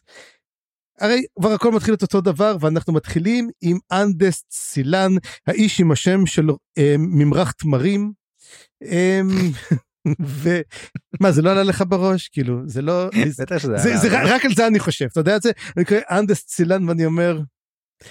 תראה, זאת הבעיה בגלל זה זה מתורגם את זה איך הייתי קורא לו אנדס תמריקי זה לא עובד בקיצור אנדסט מתחיל לחשוב על נהר, על דורסן ריל, זה זה נהר שנמצא מחוץ לקרקנס, זה נהר שחור, והוא נזכר בו ופתאום יש לו מין ערגה לאותו נהר, כמו שאמרתי לך, עוד תמיד הזיכרונות שוטפים אותו, והוא אומר, אני חייב ללכת ולבקר בעצם את הנהר הזה, והוא מוצא איזה נהר כל שאומרים לו, יש איזה נהר בקרבת מקום מאוד מאוד דומה, והוא הוא, הוא מבקש בעצם. מהנומנדר אפשרות לעזוב וללכת לעשות את הטיול הזה, וכמובן שהוא מקבל את האישור הזה. אז uh, מה אתה חושב באמת? מה הסיפור הזה כאילו מה החשיבות של הנהר הזה של דורסון ריל? אני רוצה לומר שחשבתי אולי איזה כיוון של מטאפורה כלשהי של הנהר mm-hmm. אבל גם אני חושב פתאום על הקטע הזה של הנהר שמסמל המון את העיר אבל לא רק את העיר את קרקנס גם את הקשר לאם האפלה ו-. וזה אולי פה ממש ריץ' אבל בקטע הזה שהנהר כאילו מחבק את העיר. הוא כזה הוא נהר כמו אה, נחש בצורה נחשית כזאת. והוא ממש מקיף אה, חצי מהעיר כזה כאילו היא נמצאת בתוכו. ואז זה אולי קשור לזה וגם הרבה מהזיכרונות שלו לנהר הם לא חיוביים במיוחד זאת אומרת הוא מדבר הרבה על, על הדם שזרם שם ועל זה שהוא נזכר הרי חלק מהזיכרונות זה על התקופה של השיגעון. קוראים לה צלייני השיגעון או, או צלבני השיגעון ש, שברגע שהייתה פרידה הם בעצם יצאו מהעיר לחפש את אם האפלה הם כאילו התחרפנו כולם. אז uh, העיר ריקה הנהר מדמם לדעתי הוא נתקל פה בהמון זיכרונות טראומטיים וקשים והוא מנסה לפתור אותם ומנסה להתמודד עם העבר שלו ממש כמו קאטר אז uh, אולי זה, זה הסיפור פה בעצם. אנחנו שמים לב בעצם שיש פה גזע שכולו סובל מ-PTSD. מה שקרה עם אם האפלה הם לא התגברו עליו 300 אלף שנה אחרי. עד כדי כך. Um, תחשוב מה זה לחיות כל הדבר הזה שכל פעם הם חוזרים ומנסים לשחזר בעצם את החיבור לאם האפלה ואין להם את זה. כן זאת גם הכהנת שהיא מדברת על זה הרבה. כן. וגם כן um, הוא הולך לפגוש את ריק וריק שמדבר איתו הם מסתכלים על איזה שטיח קיר ישן. לא מדובר שם אבל אני חושב שמדובר שזה סילצ'ס קצת מסופר קצת על המקרה של סילצ'ס ואז הוא אומר לו כן, הוא אומר, תשמע, אני, לא, אני יודע מה עושה, אבל מישהו ניצל אותו. ואני חושב שבעצם מדובר על הטיסטי אדור, והוא בעצם, כל הסיפור פה, למה um, סילצ'וס הלך כנגד הנומן דה ריק, אנחנו יודעים, ואני חושב שהוא שיתף פעולה עם, עם הטיסטי אדור, הרי טיסטי אדור אנחנו ראינו שסקבנדרי היה איתו. עכשיו סקבנדרי כמה שדברים אני לא חושב שהוא היה טיסטי הוא היה אני חושב שטיסטי אדור באותה תקופה לא היה גזע אלא כולם היו בעצם גזע אחד, גזע טיסטה, שהחלוקה לאדורים נהייתה בדיעבד. הרבה, אני חושב דרך אגב שסקבנדר יש סיכוי שהוא אח שלהם גם כן. בלי שאנחנו אפילו יודעים. כן, אני חושב שדיברו על זה קצת, אה, אני חושב שדיברו על זה. אבל אני לא בטוח שכשהוא אומר שניצלו את סילצ'ס זה היה סקבנדרי, אני עדיין לא, לא, לא חושב שזה זה בהכרח. Mm-hmm. יש עוד אה, אופציות אולי שאנחנו לא חושבים עליהן. זה גם כן נכון, אז uh, בעצם הוא אומר לו, תשמע, אתה צריך לחזור אותו חודש, תעשה מה שבא לך, אבל תוך חודש אתה חוזר. ואז אמרתי, למה חודש? מה קורה עוד חודש? ואז כתבת את המילה. וזאת מילה שאני אוהב. כתבת, יש לי תיאוריה. בבקשה, חיים, הבמה שלך. אה, מה רציתי לומר שם? חיים, יש לך תיאוריה, אתה לא יכול לעזוב אותי ככה הנגינג. תיאוריה, כתוב תיאוריה. I will, I will hold אה, it this. אולי אולי התכוונתי ש, שיש לי אה, אה, ניסיון לתשובה אבל לא תיאוריה זה לא זה משהו מיוחד. לך על זה. ניסיון לתשובה זו תיאוריה פה. אה, הרי ספינוק גם יצא פה לאיזשהו לאיזשהו מסע נכון? אה, כן. לאיזשהו או לפחות מקבל איזושהי אה, משימה קלה. אז אני חושב שהדברים פה החודש פה זה סוג של אה, אמירה ש... אה אני נזכרתי מה רציתי לומר. Mm-hmm. החודש פה זה לא שהוא באמת צריך אותו. אני חושב שלאנדס יש תפקיד לכאורה חשוב, אבל בעצם פשוט רייק מחפש לו עיסוק, והוא מאוד מעריך אותו ומאוד אוהב אותו, ולא רוצה שיקרה לו כלום, ולדעתי זה שרייק אומר לו יש לך חודש לחזור כי אני צריך אותך, זה בשביל בעצם למנוע ממנו לעשות משהו כמו אה, מחשבות אובדניות, או ללכת לאיבוד, או לחשוב הלכתי אין לי אין לי אין לו צורך בי אני יכול להישאר אה, אני חושב שרייק מנסה לגרום לו לחזור בעצם. או לתת לו איזושהי משמעות. אני חייב להגיד שזו תיאוריה שאני אהבתי. אבל אני חושב שהיא לא נכונה, מסיבה שאני חושב שאנומן דירק הולך לעשות משהו בעוד חודש, והוא חייב את אנדסט שיבגוד בו. והוא חייב שיעשה אה, את זה. זה גם נכון, נכון, זה גם נכון. ולכן הוא צריך, הוא אומר אני צריך אותך עוד חודש. השאלה עצמה, וזאת השאלה שלי, מה אנומנדר מתכנן? אני גם שואל את עצמי את זה הרבה. בטח, אני אגיד לך מה הוא מתכנן בטווח, בטווח הקרוב אבל, ולכן, תשמע, איזה כיף, איזה כיף. עכשיו אפשר לשתות סוף סוף, כן. אפשר לשתות, כן, אבל אני- בטווח הקרוב לפחות הוא מתכוון להשיג מגפיים חדשים. למה הם נשרפים לו בפרק הזה. איי איי. אז אנחנו באמת אה, נמשיך הלאה ואנחנו מדברים על ספינוק. וספינוק החמוד שלנו מקבל אה, משימה. עכשיו, אה, אני לא הבנתי בדיוק מה בדיוק הייתה המשימה שלו אצל קפוסטן. זה לא היה משהו שכל כך הבנתי אותו. הוא דיבר על זה שבזמן קפוסטן, שהוזכר כל הסיפור, הוא לא היה הוא. עשה משהו אחר באיזה, עולה, באיזה מקום אחר. נכון. במקום אחר לגמרי שהוא צד איזשהו דרקון. ושאלתי את עצמי, what the fuck, איזה דרקון הוא צד? האם פגשנו איזשהו דרקון שיכול להיות שהוא צד פעם? כן, כן. נזכרתי בדרקון הזה שהיה ב... הצלוב, הדרקון הצלוב. אז זה זה אולי? הכל אפשרי. או משהו אחר? יכול להיות שהוא... אנחנו יודעים האם ספינוק, האם ספינוק הוא, הוא Soletaken? אנחנו לא קיבלנו תשובה על זה. אבל יכול, יש את, יש את ה... כי, כי הדרקון הצלוב נצלב על ידי דרקונים כנראה. אה, שאלה מעולה. אבל צריך לזכור שיש גם כן את הדרקון שהוא הם, הטיסטה אנדי, סליחה, הטלן אימאס. מהמם. איך קוראים לו? אוכם? מונוק אוכם? מונוק אוכם אני חושב, כן. לא, לא זוכר. אוקיי. אז יכול להיות שזה... לא, מונוקוכם היה קוף גדול. אז, מי, אז מה היה הדרקון? זה שהם תפסו עליו דרקון. בסילנדה, שהוא תפסו אותו בסילנדה.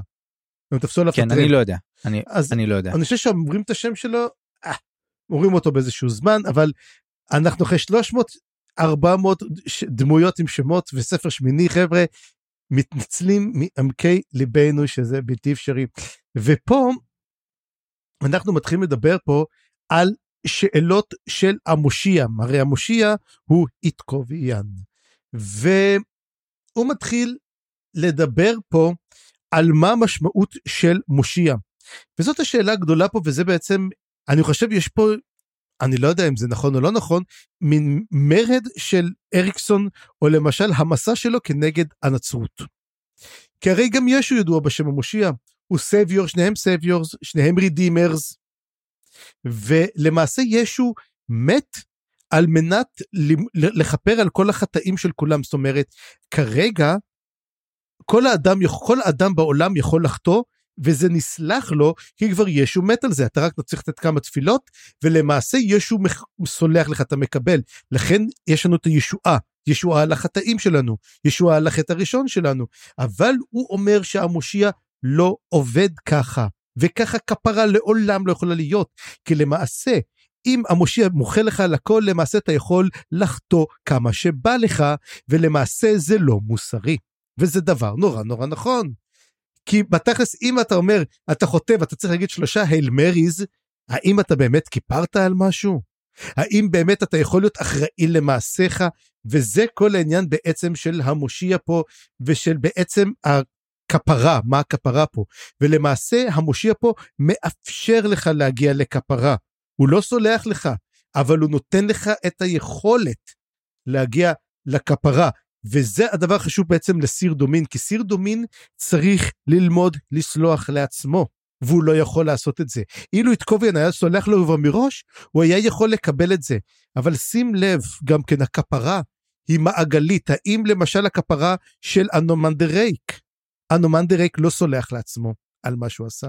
אנומנדר רייק דן את כל הגזע של הטיסטה אנדי לפיצול ביניהם, לגלות שלהם, לכל הדבר הזה. והוא עצמו מנסה לכפר על זה כל פעם, וסיר, והוא לא מצליח, סיר דומין גם מנסה, ומכיוון שהוא לא מצליח, הוא לא משנה את השם שלו.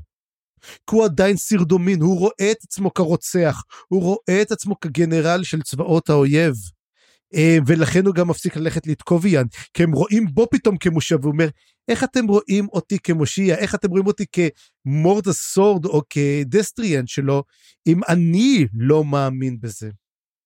כן, אני חושב גם שזה, זאת דיכוטומיה מאוד מעניינת בכלל על שאלות של uh, תשובה וחטא ודברים Mhm. כאלה, זה מופיע גם ביהדות, לא רק בנצרות, אני ב- חושב. בוודאי. הבעייתיות הזאת, האלמנט של האם יום כיפור מכפר או האם לא, ואם זה מכפר אוטומטית אז מה, מה, קיצור יש בזה זה וגם אני, אני יכול, אפשר לעשות על זה שיחה שלמה, אני לא רוצה להיכנס לשם כי באמת אין לנו זמן, אבל אני כן רוצה לומר שבאמת הדמות הזאת של סיר דומין והדמות של אנומנדה רייק שתיהן מנקודת מבטו של ספינוק שמכיר את שניהן וקשור לשתיהן וזה לא סתם.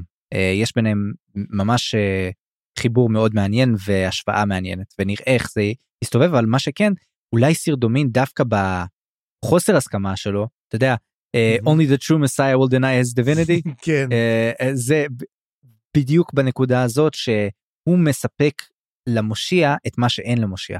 למושיע אין את האלמנט הזה של דרישות של מה כן אני צריך ממך מה כן אני אדרוש ממך ולא רק מה אני אתן לך ואת זה אולי אמור לספק סרדומין דווקא בסירוב שלו. כן. ורייק אה, לוקח וקולריה לס- לספינוק ונותן לו בעצם משימה חדשה ולא כזאת ברורה. הוא שולח אותו לכהנת ואומר לו אה, תלך לכהנת. ואז הוא אומר לו אוקיי אבל אז הוא מבין בעצם שזאת לא הכהנת שהוא חשב אליה. הוא מדבר כנראה על סלינד על הכהנת של איטקוביאן או שמדובר על כהנת אחרת אתה חושב. והשאלה עצמה למה הוא בעצם שולח אותו אליה? למה היא כל כך חשובה? בגלל אותם בריונים שם זה מה שחשוב לו אני חושב שרייק מנסה בעצם להכניס פה את ספינוק לסיפור הזה של המושיע והכת שלו ובעצם הקושרים כי בעצם החבר'ה שעומדים פה הגרדיטן נכון. ג- והבריונים שלו הם קשורים איכשהו למחתרת בעיר גם אנחנו נראה את זה לקראת הסוף פה. אז uh, לדעתי הוא רייק מראה שוב ושוב שהוא יודע בדיוק מה קורה מתחת לאף שלו ויש פה גם אזכור של ספינוק שאומר לו שאומר עליו שהוא השחקן אה, כיף הכי טוב שהוא מכיר. שבחיים הוא לא ניצח אותו אפילו פעם אחת. ולדעתי זה לא סתם. רייק הוא אסטרטג מדהים וכנראה שהוא לא מפספס דברים כאלה וגם יש את סילנה שיושבת שם על העמוד הזה ורואה כל מה שקורה. זהו בקיצור מאוד מאוד אה, מאוד מעניין. השאלה עצמה בעצם האם כנראה יש פה מהלכי שחמט מאוד מאוד מאוד מובחרים של אה, אנומנדר רייק ובוא באמת נדבר על גרדיסן והבריונים שלו אנחנו רואים באמת שמגיע כהן מבסטיון לבר שנמצאים שם וזאת אומרת גרדיסן מנהלים מגע עם האל הגוסס וזאת כבר השאלה שלי מי אתה חושב שהוא האל הגוסס? אה, אין לי מושג. אני שותה מים. אין בעיה. ובאמת אנחנו מגלים שגרדיסן היה אורדומן אה, זאת אומרת אתה אמרת אתה לא זוכר אתה יכול להזכיר לי זה, זה כמו סגן וקפטן זה, זה, זה, זה בעצם דרגות שונות שלהם. אני לא חושב שהיה על מי יותר גדול? נראה לי סיר דומין. זה מה שאני גם חושב. ולכן אולי יש ביניהם איזשהו מין איבה כזאת כי הוא אומר למה הוא מזכיר את זה שהוא סיר דומין מה הוא כאילו מנסה להיות יותר אה, חזק ממני או משהו כזה. כן. אה, כן זה כמו שאתה למשל אה, אתה זוכר היה את זה תמיד בפולטי טאוורס היה שם את המייג'ור. תמיד הוא קרא לעצמו המייג'ור. אתה יודע כבר, כבר לא בצבא כבר איזה 50 שנה אבל הוא עדיין דה מייג'ור. או מי שמטפל בך קפטן פיקוק הוא השתחרר אבל הם מכניסים את הדרגות שלהם כי הנה אז מה אתה קורא לעצמך סיר דומין מר גנרל תודה. כאילו אנחנו כבר זנחנו כבר את הכל אתה לא יכול להתקדם הלאה. מראה לך גם כן מי, מי שמקבל לעומת מי שלא מקבל מי שיכול להתקדם הלאה לעומת מי שלא מסוגל להתקדם הלאה. מהמם. וזהו זה ואלו בעצם הדברים האלו אז זה בעצם הנושא של אנומנדר רייק ועכשיו השאלה פה מה ה end game של אנומנדר רייק. לדעתי כמו שאמרתי הוא מנסה פה לחדור לתוך הקשר הזה להבין מה קורה שם בין המושיע ל- לעיר לאלה שמתנגדים לטיסטה אנדי ואני חושב שגם זה מעניין לראות מה קורה עם הכהנת הזאת כי ספינוק הרי מגלה אותה שהיא חולה נכון לא יודע אם כן. לא הזכרת את לא זה אמרתי את זה לא לא הזכרתי את זה היא יכולה. אה, אה, אז היא חולה וכנראה שזה קשור למחלתו של המושיע. יש איזושהי מחלה או איזשהו מצב קשה שלו וזה מתבטא דרכה והמצב שם על הפרצוף ואני חושב שרייק לא יכול להתערב בזה בצורה ישירה הוא נאלץ להתערב בזה בצורה עקיפה אבל יכול להיות שספינוק זה המפתח לסיפור. או שקשור הכל למשקה הזה ולאל הגוסס ולמה שקורה שם ובאמת בשביל להבין את כל מה שקורה שם אנחנו צריכים אה נכון כן יכול להיות שזה קשור אליו. אז לכן אנחנו צריכים לדבר באמת על החבורה של נימנדר ואני מעביר את השרביט אליך.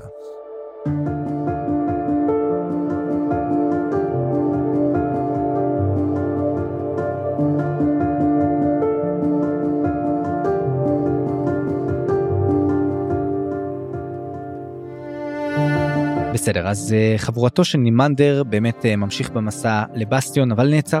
כי אה, קלור מנסה להתעסק עם ארנתה והיא זורקת אותו, מסתבר שיש לה כוחות קסם מאוד חזקים והיא מתפתחת שוב, הדמות הזאת. כל הדמויות פה מתפתחות. זה התחיל בפרק הקודם, אבל זה ממשיך עכשיו. אה, ואנחנו מגלים עליהם עוד ועוד. יש אה, משהו שהיא מסתירה, אתה אומר? איזשהו משהו אפל שבורק בעיניים שלה? כן, יש לה איזה משהו בורק בעיניים, איזה משהו אפל, כאילו, שאלה טובה, שאתה יודע, האמת היא שאנחנו מדברים פה, האמת אם אני חושב פה עכשיו, ועכשיו פשוט על כל הילדים, הרי ילדים של, כל הילדים של נימנדר הם ילדים זנוחים הרי. וזה מראה לך בעצם מה נומנדר ריק עושה, אתה יודע, הוא בעצם בן של אימא שזנחה אותו, והוא זונח את הילדים שלו בכל מקום. השאלה מה כן. הוא מנסה להשיג באמצעות זה, האם הוא מנסה שהם יהיו חזקים או לא חזקים, כי הוא יוצר בעצם ילדים שבורים. כן, וזה, וזה בעצם שקורה. התמה של הכלי השבור, ש... ש...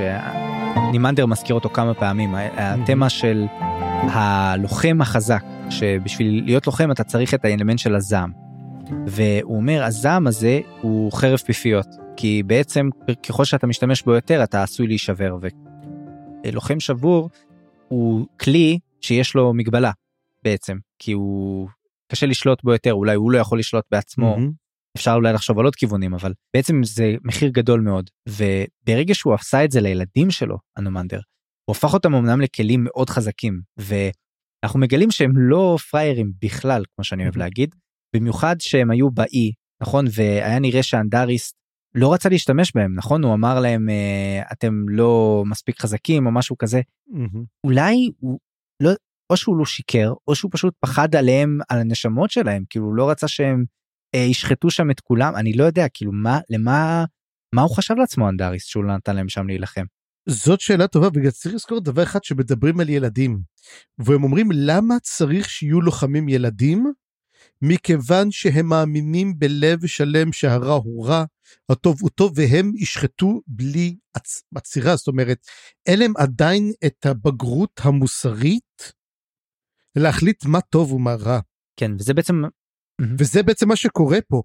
אז השאלה עצמה, האם אנדריס ניסה עדיין לשמר את הילדות שלהם? ניסה עדיין להשאיר אותם טהורים? כאילו, אל תילחמו, כי את, אני יודע שתנצחו, אבל אני לא רוצה שתמותו, כי הייתה לו חמלה עליהם. כן. הרבה יותר ממה שהיה לאנומנדר ריק. כן ואנחנו זה בכלל מגניב שאנחנו מקבלים פה בעצם את זיכרונות ילדותו של, של נימנדר שהוא נזכר באחוזה הזאת שהוא, שהוא גדל בה ושהיה מגיע מדי פעם ושהיה את אה, אנדס סילן שהיה בעצם זה שדאג להם ולימד אותם וכולי אבל גם שהם התעללו בו. ושעשו לו את המוות כן עשו לו את המוות. כן. Um, והייתה פה עוד מחשבה מגניבה מאוד של נימנדר וזאת המחשבה על האל הגוסס. הוא אמר האל הגוסס הוא חייב להיות ילד מנצלים אותו משתמשים בו. ובדיוק זה ממש מזכיר גם את האלמנט של המושיע ואני חושב שיש פה לא סתם הש, השוואה בין האל הגוסס שעולה הולך ועולה והמושיע שהוא אל חדש שהולך ועולה. ויש ביניהם ד, הרבה דמיון וגם הרבה כנראה שוני שאנחנו צריכים לעמוד עליו אבל עדיין הדמיון פה רב. שניהם עדיין בוסריים שניהם אה, ללא גבולות. הקליק הוא ללא גבולות והחמלה של המושיע היא ללא גבולות.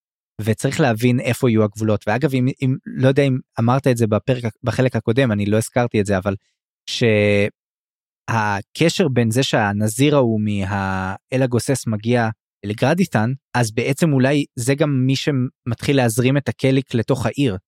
כן לא אנחנו לא יודעים את זה אבל ככל הנראה כן יש יש מסחר בין קורל לבין בסטיון. בקיצור לדעתי זה ממש מחזק את הקשר בין שני ה... שתי העלילות פה ושני הסיפורים של החבורה של נימנדר ומה שקורה בקורל ומה שקורה עם המושיע. אה, זה הכל נורא מתחבר פה בפרקים האלה. אגב, אפשר לתת תיאוריה שסתם עלתה לי עכשיו? כן. אני אתן לך תיאוריה פסיכית. נו.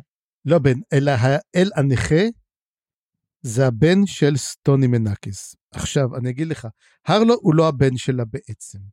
הרלו הוא למעשה בן של אשתו של אותו אחד שפשוט נולד מחוץ לנישואין, והיא פשוט לקחה כביכול את, הש... את, ה... את זה שזה הבן שלה כביכול, כדי לא להימנע מזה, אבל זה למעשה הבן של סטוני מנקיס שם. האל הגוסס, לא האל הנכה. אמרת האל האל הנכה. הגוסס, סליחה, כמובן האל הגוסס. אוקיי, אוקיי. סתם, תיאוריה. אני רציתי לומר משהו אחר, אני רציתי לומר אולי הסיפור של הרלו והבן שלה וס, וס, וסנל זה סיפור שקרה בעבר, לפני זה. ואז זה יכול להסביר שהוא יתגלגל להיות האל, האל הגוסס, אבל אה, פחות הגיוני, כי הקטע של גרנטל הוא בהחלט בזמן שלנו. כן. אז אה, לפחות ככה זה נראה, אלא אם כן אריקסון משחק, משחק איתנו. למרות שאנחנו לא יודעים, כי אנחנו יודעים רק שהסיפור של נימנדר, אגב, אנחנו לא רואים, אנחנו רואים קאליק שם ורואים קאליק שם, אבל אנחנו לא ראינו עדיין את הקאליק בדרוג'יסטן. נכון. קיצור מעניין אבל, מעניין החיבור הזה. יאללה. לא, אבל היא לא, הרי, הרי העיקר לוקח אותו אולי, אולי לבלק קורל אם אני צודק. אז אנחנו עכשיו צריכים לראות, אז מה יקרה? אוקיי, ו- ויש לנו גם את אה, עניין פה קטן עם הדלהונים, שהם פגשו דלהונים ובזיכרונות של נימנדר, והוא מספר על הקטע שלהם עם אבות אבותיהם, שהם מאמינים ב- באבות אבותיהם, והם אה, קוברים אותם בקירות של הבית, והם חייבים להרחיב את הבתים. אתה זוכר את הקטע הזה? זה היה קטע קצת כן. מוזר. הדלהונים גם כן מדובר, על דלהונים אני חושב שהם פגשו זה דסם אולטור. ב- בעבר הרחוק רחוק? הרי לא בטוח בעבר הרחוק, אמרו שהם פגשו דלהונים. אמ, אני חושב שזה היה בעבר אבל, זה כשהם היו באחוזה ההיא, שהם... באי. אה עכשיו לא, באי, באי, נכון, באי. עכשיו באי, צריך לזכור דבר אחד, באי היה לך יכולת רק לקוונטלי, היה לה יכולת לסחור עם דריפט אבלי, כי- והסילנדה הייתה הספינה הזאת. אז אני אמרתי מאיפה הם פגשו דלהונים, כי דלהונים לא יכולים להגיע משם, ולכן אמרתי זה יכול להיות שזה תסם אולטר, יכול להיות דרך אגב שזה גם כן קלנבד, הוא גם דלהוני. לא, הם, אמ- הם אמרו שהם אה, הם נתקעו שם כי הם היו בדרך לאי אחר והם פשוט כאילו נסחפו לאי או נשברה הספירה, הסירה שלהם או משהו. כן, גם יכול. מזכיר קצת מה שקרה לדסם אולטר גם עכשיו. נכון, אבל ההבדל ביניהם היה מאוד מעניין. כי ה... אני מתכוון מבחינה רעיונית, נראה לי שמו פה את הדלהונים למול הטיסטה אנדי, כי לטיסטה אנדי אין אלמנט כזה של אבות בעצם. כי הם כולם חיים אה, חיי על מוות, נכון? אז אין להם אלמנט של לעבוד את הדורות הקודמים, כי הם פה, אוקיי? כן. למרות שהם עדיין סוגדים לאלים שהם חיים. הם סוגדים דה רייק. נכון. אבל אני אומר, האלמנט של הדורות עבר, שזה כאילו יש לך את השנים הרבות של ההיסטוריה שכאילו יושבת עליך, מצד אחד אין להם את זה, כמו שיש לדלהונים, והדלהונים שהם פגשו, הם ברחו מההיסטוריה הזאת, הם ברחו מהחיים האלה. הם אמרו, אי אפשר, נחנקים שם, אי אפשר, אין מקום יותר. גם הכפרים נמשכים עד אינסוף, כי הב- הבתים חייבים להתפתח עם, ה... עם ה... בעצם האנשים שמתים. אז אני חושב אבל שבעצם זה להגיד שלא, אתם בדיוק אותו דבר, אתם גם תקועים בעבר, אתם גם תקועים עם האבות שלכם, אבל כמו שאתה אומר, הם חיים, אז ההשפעה שלהם הרבה יותר חזקה.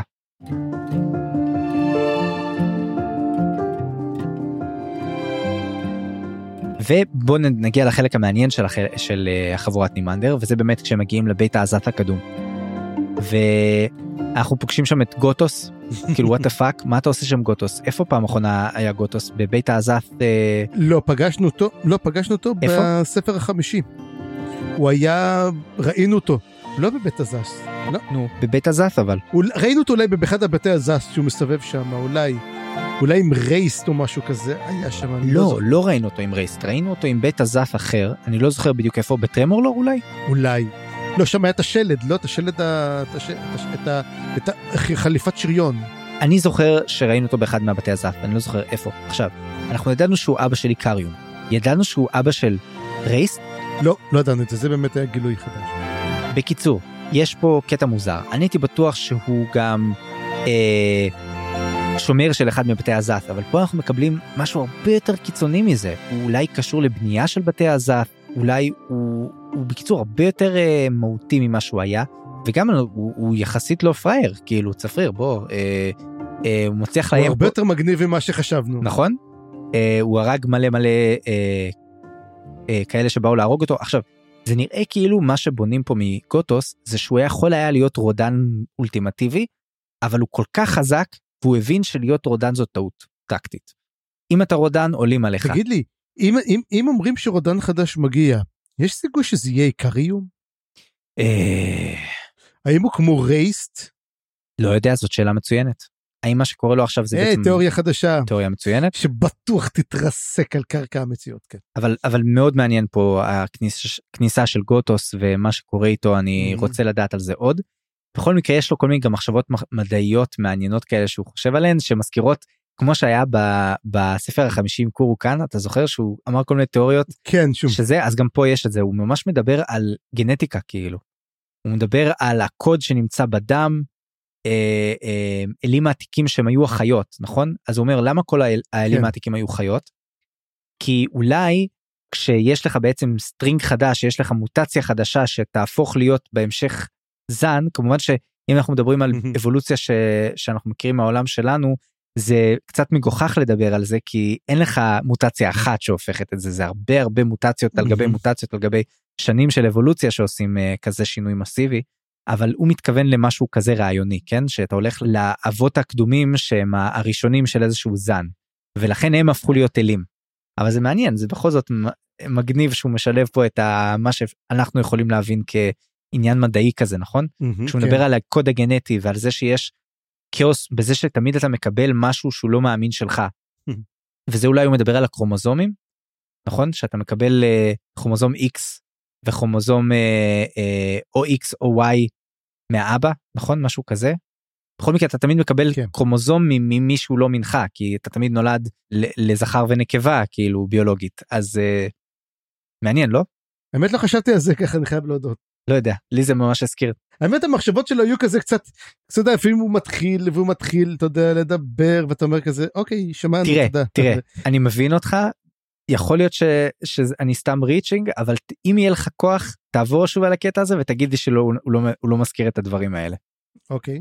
והוא גם מזכיר גם עוד משהו, שזה תורת האידאות של אפלטון, וקלור חולק עליו בגישה האריסטוטלית, שזה היה נורא מעניין, שהוא מדבר שם על ה... אה, לכל דבר יש את הכאילו את הרעיון שלו שזה מאוד מזכיר את תורת האידאות של, של אפלטון ואז אה, קלור אומר אבל זה לא ככה לא, לא ככה אתה קורא לזה מה שמעניין זה איך איך מסתכלים על זה איך, איך קוראים לזה ברחוב מהמם. כאילו זה ממש כזה מחלוקת מגניבה שהזכירה לי.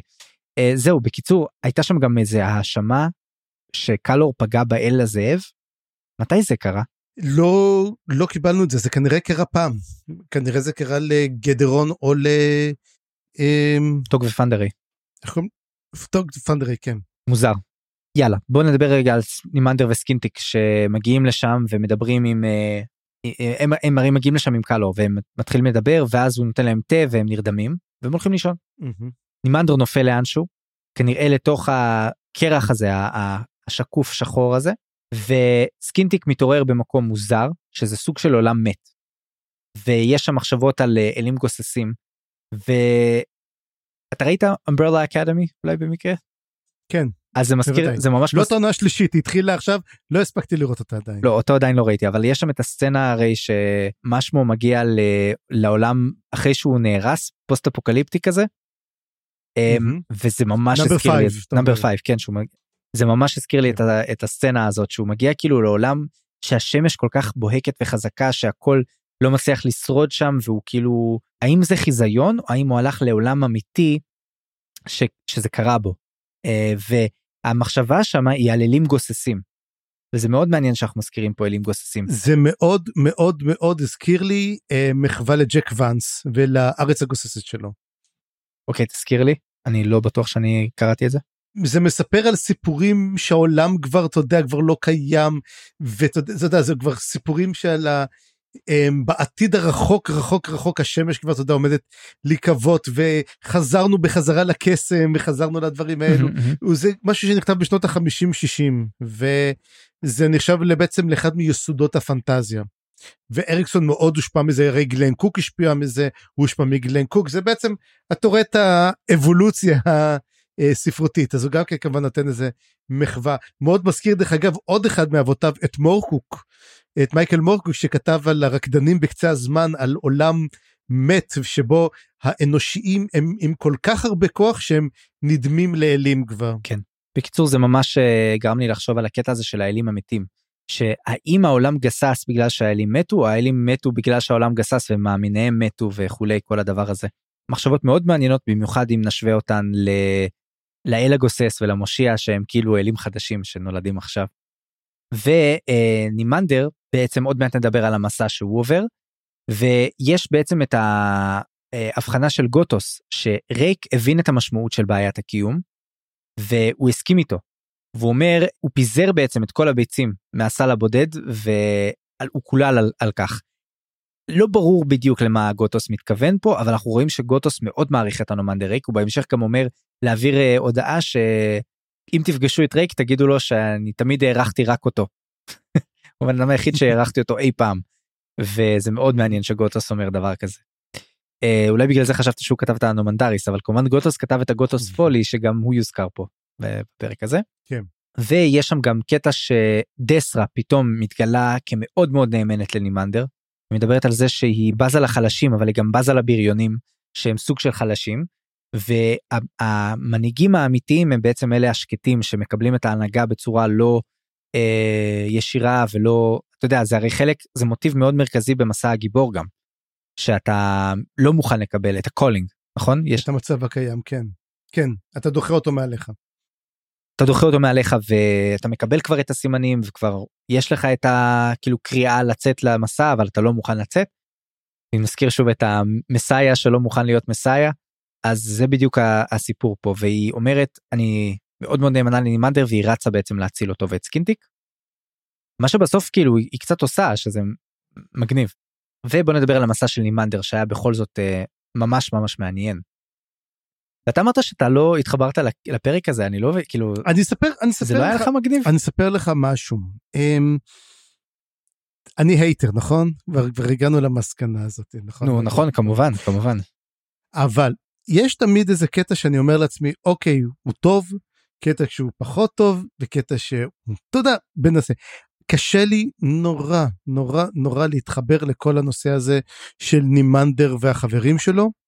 הוא קטע שלפי דעתי הוא כבד, הוא לא ידוע בדיוק לאיפה מתכוונים לקחת אותו, כאילו תביא לי דרוג'יסטן כל הספר ואני אגיד לך תודה רבה והכל יהיה בסדר זה מין קטע שלא ברור איך הוא קשור לכל הסיפור הזה אני כן אהבתי את הסיפור שלו אתה יודע עם בית העזף וכל מה שקרה שם זה היה קטע טוב אבל אני אתה יודע לא כזה התחברתי וגם חבל שהעבירו לי את זה דרך אה, דרך נימנדר כי אני חושב שיכול להיות הרבה יותר מגניב אם היה דרך דמות אחרת. יכול להיות. אז זה כנראה הייטר. שמע טוב אני לא יכול לפתור לך את העניין הזה אז הייתי צריך לפתור עם עצמך או עם הפסיכולוג אני לא יודע אבל אבל מה שקורה פה לדעתי זה ממש מרתק. אה, במיוחד הקטע הזה עם בית, בית העזת עכשיו שהוא נכנס בעצם לתוכו. או אגב זה לא ממש בית הזת זה כנראה בית הזת עתיק שלא לא פעיל וחלק מהאיום פה על קלור זה שתיזהר אני אפעיל פה את הבית הזת אתה לא רוצה את זה נכון ובעצם לאיפה נימנדר נופל וזה ממש מגניב כי זה לוקח אותנו לאחד מהאפיגרפים אני חושב בספר אה, השביעי שיש שם את המסע של אה, ה-SRG נכון הם, הם הולכים שם בעיר קצ'יין שמאלית העתיקה ואולי זה בכלל באפיגרף של אותו ספר שמדובר על הדם של הדרקונים שהוא הופך לשלוליות והשלוליות הופכות לקירות. נכון? אתה זוכר לא אני. אז אני זוכר ואני אומר לך מה שאנחנו רואים זה לא קירות של אתה אתה אתה מר אתה אתה מר אפיגרף אני זה לא קירות זה, זה נראה לי היה בפרולוג בכל זאת אבל זה קירות שהם דם קפוא של דרקונים. זוכר את זה? שהוא כזה הוא נופל לתוך האדמה וכאילו יש שם תיאור ממש מוזר שאני זוכר שדיברנו עליו. בקיצור מה גוטוס אומר על זה? הוא אומר קרח זה כמו דם ודם זה כמו קרח לא גוטוס השד הזה בתוך ה... האלדר. האלדר כן ולדעתי לשם נופל נימנדר וזה מאוד מעניין כי אנחנו זוכרים שגם נשמות של ויבלים נתקלים בתוך הדם הדרקוני נכון? ועכשיו אנחנו מגלים שגם ה... גם הטיסטאנדי נתקעים שם זאת אומרת הם אדם מושך אותם ולכן הם לא יכולים להציל אותו. הוויבלים הוויבלים הם טיסטאנדי. נכון נכון אז אז זה ממש מגניב הכיוון הזה אולי זה באמת בגלל הבגידה של אם האפלה או העזיבה של אם האפלה שהם נמשכים לדם דרקוני. מה אתה אומר? זה שאלה כי צריך לזכור שבעצם רק אנומנדר עשה משהו עם הדרקונים וזה לא היה בסדר מבחינת אם האפלה אז אני לא יודע כמה הם בסחבקיות עם הדרקונים. בכל מקרה הם נורא נמשכים לדם הם יכול להיות שנמשכים לדם הם נתקעים בו ומקבלים איזה מין דמות הרי חלק הופכים להיות soultaken אתה יודע אבל אין להם דם דרקוני כן. למרות שאנומנדר רייק הוא כן soultaken אבל הוא אליינט גם כן. הוא אליינט יש פה גם דם דרקוני בגלל החיבור שלו באמת עם אה, אה, תיאם. כן. ש, שזה בעצם היה הבגידה שלו. בכל מקרה קרח זה כמו דם ודם זה כמו קרח זה ציטוט שנתפס אצלי כי כי זה מתחבר גם איכשהו למטוס פלאק אולי ולקשר בין בין הכוח של הג'גותים ו- וכולי. בכל מקרה אז מישהו פוגש שם בפנים נימנדר זה את האלדר התינוקי הזה הוא קורא לו אלדר שהוא גם בנאי בית האזף אנחנו מגלים. הוא זה שבונה בתי הזף. הוא כנראה לא היחיד גם. אה, יכול להיות שיש עוד כאלה. ומה שנימנדר מחליט לעשות ופה מתגלה בעצם הכוח המנהיג, המנהיגותי של נימנדר נכון שהוא בעצם מציע פה מהמם. רעיון גדול הוא אומר לו אולי תבנה פה בית הוא לא נותן לך הרי לצאת ולבנות בתים מתי שאתה רוצה תבנה פה בית. ופה הרוחות שנמצאות שם לא נותנות לעדר להקים את הבית אבל יש את המעטפת יש בעצם את הקיר הזה שהוא בתוכו הוא יכול לבנות את זה אז תבנה את זה כמו מגדל. והאלדר אומר לו סבבה אני אבנה את זה כמו מגדל ופה הקריין מהמם. שהוא עושה כאילו קול של כזה קול ילדותי כמו שאנחנו מכירים מכל השדים עד עכשיו נכון פנינה וכל אלה אבל ברגע שהוא מתחיל כן. לבנות את הבית הקול שלו משתנה שזה אהבתי מאוד את ה touch הזה והאלדר מודיע שהוא מתחיל לבנות משהו בו משתנה. ובאמת זה זה ממש חזק אני לא יודע מה זה אומר השינוי הזה ואגב אנחנו לא יודעים אם זה באמת כן רילה או משהו כזה השד אנחנו לא יודעים מה הוא בדיוק נכון? לא. אבל הם מתחילים בעצם לבנות ומשאירים בעצם את הלבנה האחרונה שבשביל שנימנדר יוכל לדחוף אותה פנימה ואז הוא יוכל להשלים את הבית גם בלי הזה כי מישהו מהם יצטרך להיות תקוע וזה היה החלק הכי אה, מוזר ולא ברור פה ב- ב- בסיפור. לא, הם, הם הבינו שבשביל לבנות את זה צריך לשים את האבן האחרונה, והאבן האחרונה נועלת אותך בפנים. אז לכן בעצם נימנדר אמר לו, אה, אני אסגור את האבן האחרונה. אתה תוכל לצאת ולברוח ולבנות עוד דברים חדשים. ואז בעצם הוא עושה לו כזה מין הפוך כזה ואתה תצא אני אסגור אתה אני יכול אני כאילו בניתי כבר אני אסגור אתה תסגור זה היה כזה קטע מין אה, אתה יודע אבל אבל הם בונים את הבית כמה אה, מאות שנים כמה מאות אלפי שנים. כנראה הזמן שם הוא. הוא מאוד uh, סובייקטיבי אבל גם יחסי אבל כן. גם אני אגיד שהעניין פה של נימנדר זה בשביל לחזק בעצם את העניין גם כמה הוא לא רואה בעצמו מנהיג כי הוא אומר הם יסתדרו גם בלעדיי יש להם את נננדה הוא מתחזק בדיוק יש את סקינטיק אני הם לא צריכים אותי באמת. ויש פה אלמנט מאוד דיכאוני וה-PTSD של אה, פייד ואהובתו הקודמת שאנחנו לא יודעים מה השם שלה כנראה שנימנדר לא במקום טוב מבחינה פסיכולוגית אה, צריך עזרה נגיד את זה ככה. וזה רק מוכיח את זה הוא אפילו מוכן להיות תקוע שם לנצח אפילו לא למות אתה מבין כאילו מהמם. זה לכאורה גורל גרוע יותר ממוות אבל הוא מוכן להיות אה, לקחת את זה על עצמו זה רק בשביל להראות באיזה מצב הוא נמצא. בכל מקרה הוא כן מצליח לצאת משם. אה, אני קראתי איזה מבצע בני וברח לגמרי אבל דסרה איכשהו מצילה אותו שול... היא רואה אותו בתוך הקרח הזה הקרח והיא מוציאה אותו החוצה כן. החוצה. שזה מאוד חזק.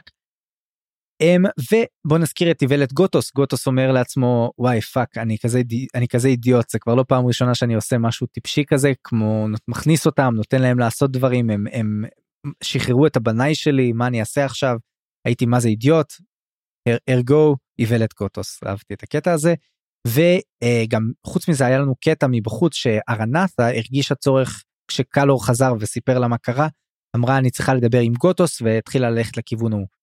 לא ברור מה קורה שם צפריר מה הם, היא הולכת גם לפגוש אותו אתה מבין? אתה מבין? זה לא ברור. אגב, תזכור, אם זה הבית, הרי אנחנו נמצאים על גנבקיס, ואנחנו יודעים שביבשת יכול להיות בית עזף אחד.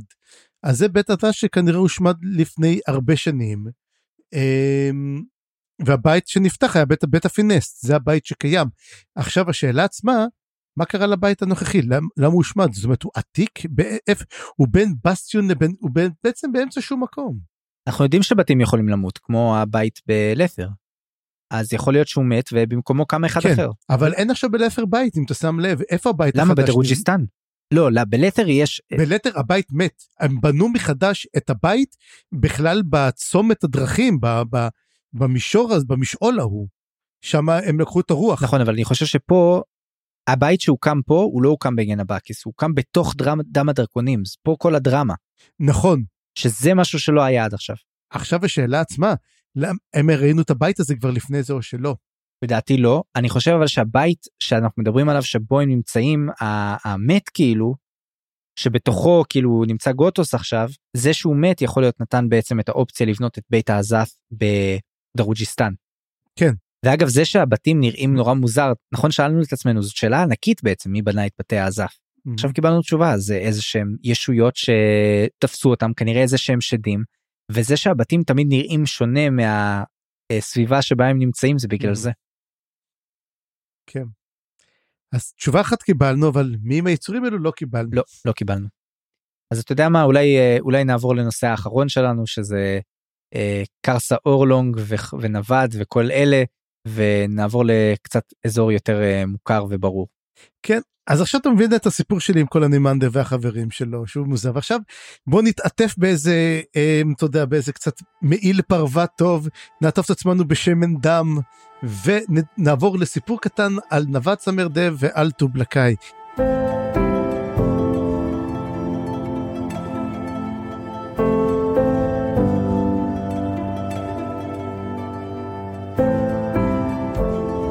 אז קודם כל באמת נווד וסמרדב הם, אתה יודע, הם עושים את דרכם למצוא את uh, קרסה אורלונג ששוחט את כל מה שעומד בדרכו.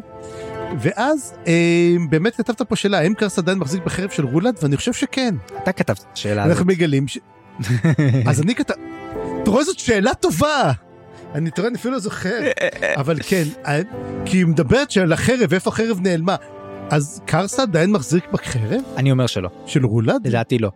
זה בדיוק העניין הזה של אה, מה מצפים מקרסה לעשות וסמר דב אומרת קרסה אוהב שחושבים שהוא יעשה משהו מטומטם הוא אף פעם לא עושה את הדבר המטומטם ולדעתי קרסה הרי אנחנו יודעים שוויזל אה, הגיע לשם מהמם. לתוך המשעול וכנראה בא להשמיד את החרב אז קרסה לא הוא לא לקח את החרב שלו יש לו גם את החרב משל עצמו שהיא לא כן, חרב החלמיש כמובן. עכשיו, דסם אבל אומר גם, הוא אומר, תגיד, תשמעי, בדרך כלל האל הנכה ואני, אין לי בעיה איתו, אבל הפעם הוא הגזים. אבל, אתה יודע, אז כאילו בעצם מראה את התפיסה ה... איך אני אגיד את זה? שבעצם דסם לא כאילו תופס צד בשום מקום. הוא אומר, בסדר, אני מבין אותו שזה, אתה יודע, שיחיה, אני לא נגדו, אבל כל עוד הוא לא נוגע, אבל למה הוא הגזים? הוא הגזים, הוא עשה דבר אחד שלא עשה אף פעם. הוא נכנס ל- למשחק של הקלפים. וזה בעצם הדבר שעושה שהגזים. לדסם יש את הארצ'ווילן שזה הזהוד וכל הוד, נכון. ו, ומה שלא מפריע לו במשימה שלו לא כזה מעניין אותו. וזה קשור גם לעובדה שהוא באיזשהו שלב הבין שלא משנה מה הם עושים הם תמיד משחקים לידיו של הוד. כל המלחמות כל האימפריות כל מה שהאנושות עושה הכל זה בעצם חלק מהמשחק ומהתוכנית של הוד ואותו הוא שונא. מהמם. אז אני חושב שהוא כאילו כבר אין לו שום דבר אחר לא מעניין אותו את דסם ואולי זה הופך אותו לדמות אה, מעניינת מהמם. יותר אבל כנראה לפחות מוסרית לדעתי. הוא לא מוסרי בכלל, אין לו מוסר לדסם אולטרום. הוא לגמרי שקוע בדברים שלו, ומובן גם כן מאוד. ובוא נעבור בעצם לקפטן ולטובלקאי. דרך אגב, אנחנו עד הסוף לא מוצאים מה שמו של הקפטן, אבל אנחנו כן אה, מגלים את הסיפור של הקפטן. הקפטן הושאר למות בגיל מאוד מאוד צעיר. אה, תלו אותו כמו שתלו למעשה את קולטיין. אה, הוא הצליח אבל לצאת מזה למרות שהנמלים אכלו אותו. ועד היום הוא בעצם מרגיש את הנמלים עדיין עליו. עכשיו הוא הפך להיות העריץ לא עליו הנודד- בתוך הראש שלו. בתוך הראש שלו כי הם נכנסו והוא מרגיש אותה והוא הפך להיות בעצם העריץ הנודד של מישורי למטף הוא נע על כרכרה שנגררת תמיד על ידי 500 עבדים יש אלף עבדים 500 מושכים 500 הולכים מתחלפים והיא לא עוצרת לעולם ואז אמרתי זה אשכרה זה דרגניפור לגמרי. גם מדובר גם כן שהוא היה פצוע ורוחות נהר ריפאו אותו אבל הם גם נכנסו לתוכו זאת אומרת הריפ... הוא, הוא צריך לשלם על זה משהו. אה, אה, אני חייב אבל לומר למשהו צפרי קודם כל בתור מי שפעם נכנסה לו למעלה לתוך האוזן. אני חייב לומר שזאת אחת החוויות הכי גרועות שהיו בחיי אני זוכר את זה זה היה למה אתה אומר דברים כאלו זה לפני השינה בן אדם. זה לא כאב או משהו והיא יצאה ולא קרה לה שום נזק אבל התחושה של רגע נמלה רגילה או נמלת אש? נמלה רגילה אחי וזה שהיא הייתה בפנים למה היא נכנסה לך לאוזן? לא יודע היה לה משעמם אני יודע ישנתי או משהו לא איך אה, תקשיב טוב אני לא אשאל מה מה זה לא מסוכן אבל התחושה שהיא הלכה שמה וזה פשוט היה מזעזע אוקיי אני לא אחרי הפרק too הזה much information dude too much information. אני יש לי בעיות עם פטריות עכשיו יש לי פטריות עם נמלים תגיד לי מה אתה עושה לי מה, מה אתה עושה לי בן אדם. עד סוף הסדרה אתה כבר לא תוכל אה, לא יודע יהיה לי פוביות מפה עד הודעה חדשה יצטרכו יצטרכו גם להמציא מקצוע לפסיכולוגיה בשביל הפוביות שלי. אז תדמיין איך היה לי לקרוא את החלק הזה אבל בכל מקרה אמ, כן. זה גם מאוד הזכיר כמובן את ריג'נה נכון את הסיפור שם של הרוח המערבולת ואיך שהיא נכנסה לתוך אה, התלה נימאסית וזה מהמם. כאילו יש את הניחוח הזה את המין את, ה- את הדבר הזה שאריקסון מדי פעם נותן לנו את הסיפור רקע הזה שמסביר איך איך גם היה את השד ההוא כן. שקלאם נלחם בו בקיצור אני, זה זה קטעים כאלה שאני אוהב הם, הם בדרך כלל כזה קצר ולעניין כן הוא מכניס הוא מכניס יותר ואז הוא אומר נהניתם כן אהבתם את הדמות כן טוב עכשיו אני הורג אותו. לגמרי אבל יש לי פה שתי תיאוריות ספר. מקווה שאתה מוכן. אני מוכן אבל השאלה אתה זוכר כן את התיאוריות כן. אתה זוכר את התיאוריה הזאת אז יאללה אז רוץ על התיאוריה. Yeah. אז דבר ראשון אה, הכרכרה אני חושב שכבר ראינו אותה צפריר. איפה? בפרולוג תסביר אני כבר לא זוכר את הפרולוג. נכון בפרולוג היה לנו את החלק הזה ש, שהיה את העולם המוזר שהיה בו את השני אנשים עם הכלבים.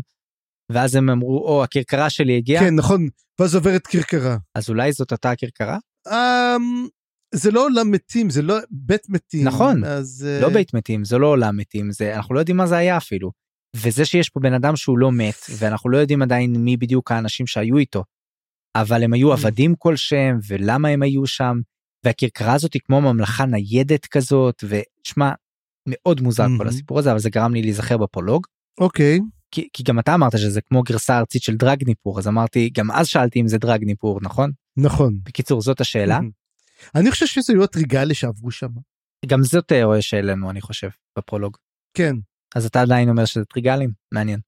אני נאלץ לעמוד בזה כן. אבל יש לי עוד תיאוריה צפיר או. ואני חושב שאני יודע מי הקל... מה הקלף של אותו אה, קפטן. היה קלף לקפטן הזה אני חושב שאני יודע שמה הקלף שלו. והוא הנכה לבית שלשלאות. תסביר ותדבר. קודם כל היה לנו הרי את המצורע נכון? מצורע זה היה אצל אמ, זאתי אצל אמ, פליסין נכון. הצעירה נכון? אוקיי. אבל שאלנו את עצמנו רגע אז מי הנכה?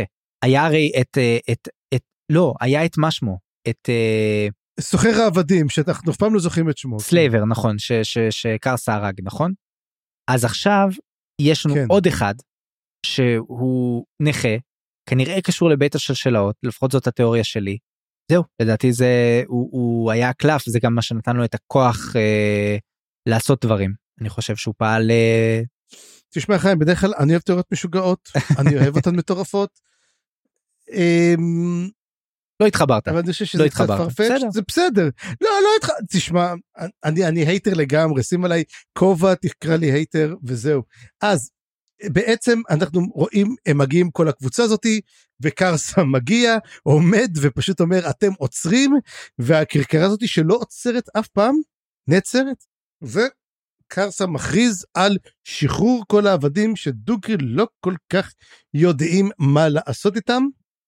ואז בעצם מבין אותו קפטן שהוא אמר הוא מחפש למי להוריש את כל הדבר הזה אומר הנה היורש שלי קרסה אורלונג הוא בא ומזמין אותו לארוחת ערב מפוארת הוא אומר לו בוא אתה תהיה היורש שלי וקרסה אומר לו לא מעניין אותי להיות היורש שלך זה לא מעניין אותי כולם עבדים הולכים ולמעשה די שובר את הכרכר והוא פשוט מת מתקף לב הוא כאילו הוא, הוא אפילו לא צריך להרוג אותו הוא מדבר איתו והוא מת הרוחות עוזבות אותו ואז הוא למעשה אומר הנוכחות של קרסה מעיפה את הרוחות אה. אני חושב ופצעה וכל הזה אה זה אחלה הסבר אה, כן לדעתי זה מה שקורה שם. אחלה הסבר אני לא. ואז כולם אומרים מה הוא הרג אותו בלי אפילו אתה יודע להגיד מילה וזה ופשוט אה, הוא עוזב אותם אומר להם אתם משוחררים פשוט תלכו. וזהו זה כמו אני כתבתי את הדבר הזה כי אני כבר לא לא, אני זוכר. כתבתי אני כתבתי וכאילו אוקיי אוקיי כי אמרתי זה מגניב אז אמרתי וואלה הייתי מגניב באמת אני כנראה כתבתי את זה שהייתי שיכור לא אבל מה שקורה הוא שמעניין הוא האם אנחנו מקבלים פה רמז מקדים למה שיקרה. מעניין על ידי מעניין קרסה. הקטע של דרגניפור אני לא חשבתי עליו האם אנחנו האם הכרכרה של דרגניפור תיעצר והבעלים שלה הנומן דירק ייהרג על ידי קרסה. מעניין לא חשבתי על הקלאש האפשרי הזה וזו תכלס מאוד מאוד הגיוני קרסה לא אוהב שרשראות משום מה. לא אוהב. כו- הרי כולם עבדים הוא לא אוהב שרשראות הוא אוהב עבדים וזה מה שהיא אומרת לו בסוף, ובעצם יש לנו באמת מחשבות של אה, נווד בסוף, שהוא אומר המוות מחכה לכולם.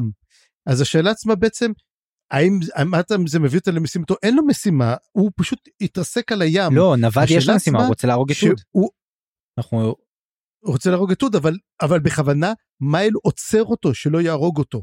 זאת אומרת, ואז, ואז בית הצללים מוציאים סיבה- אותו ואומרים לו לך תמשיך במשימה שלך אנחנו איתך.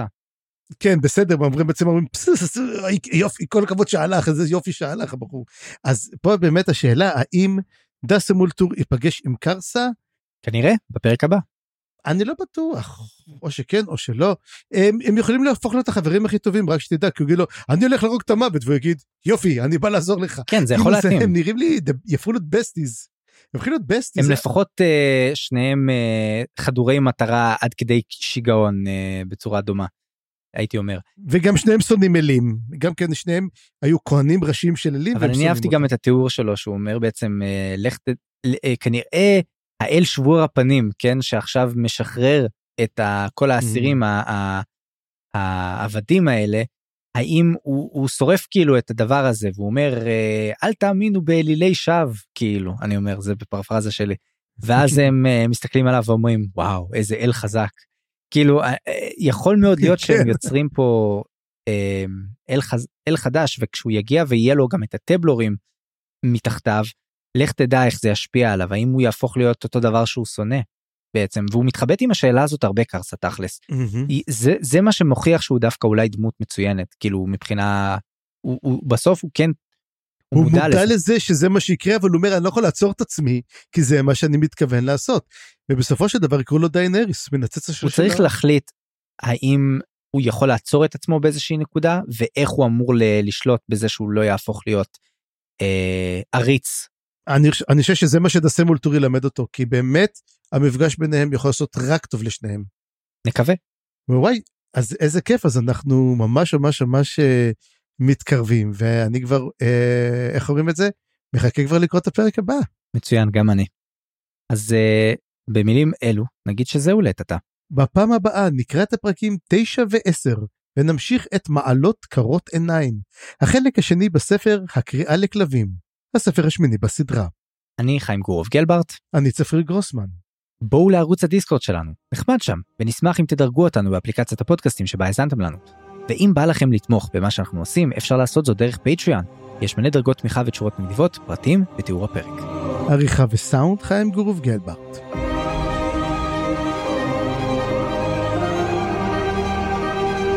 הצטרפו אלינו לדיונים בקבוצת הפייסבוק מה לזן קבוצת קריאה.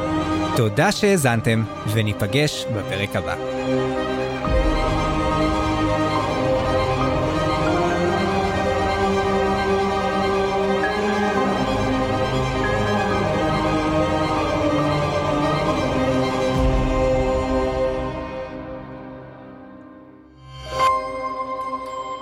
היזיון, הסכתים פנטסטיים.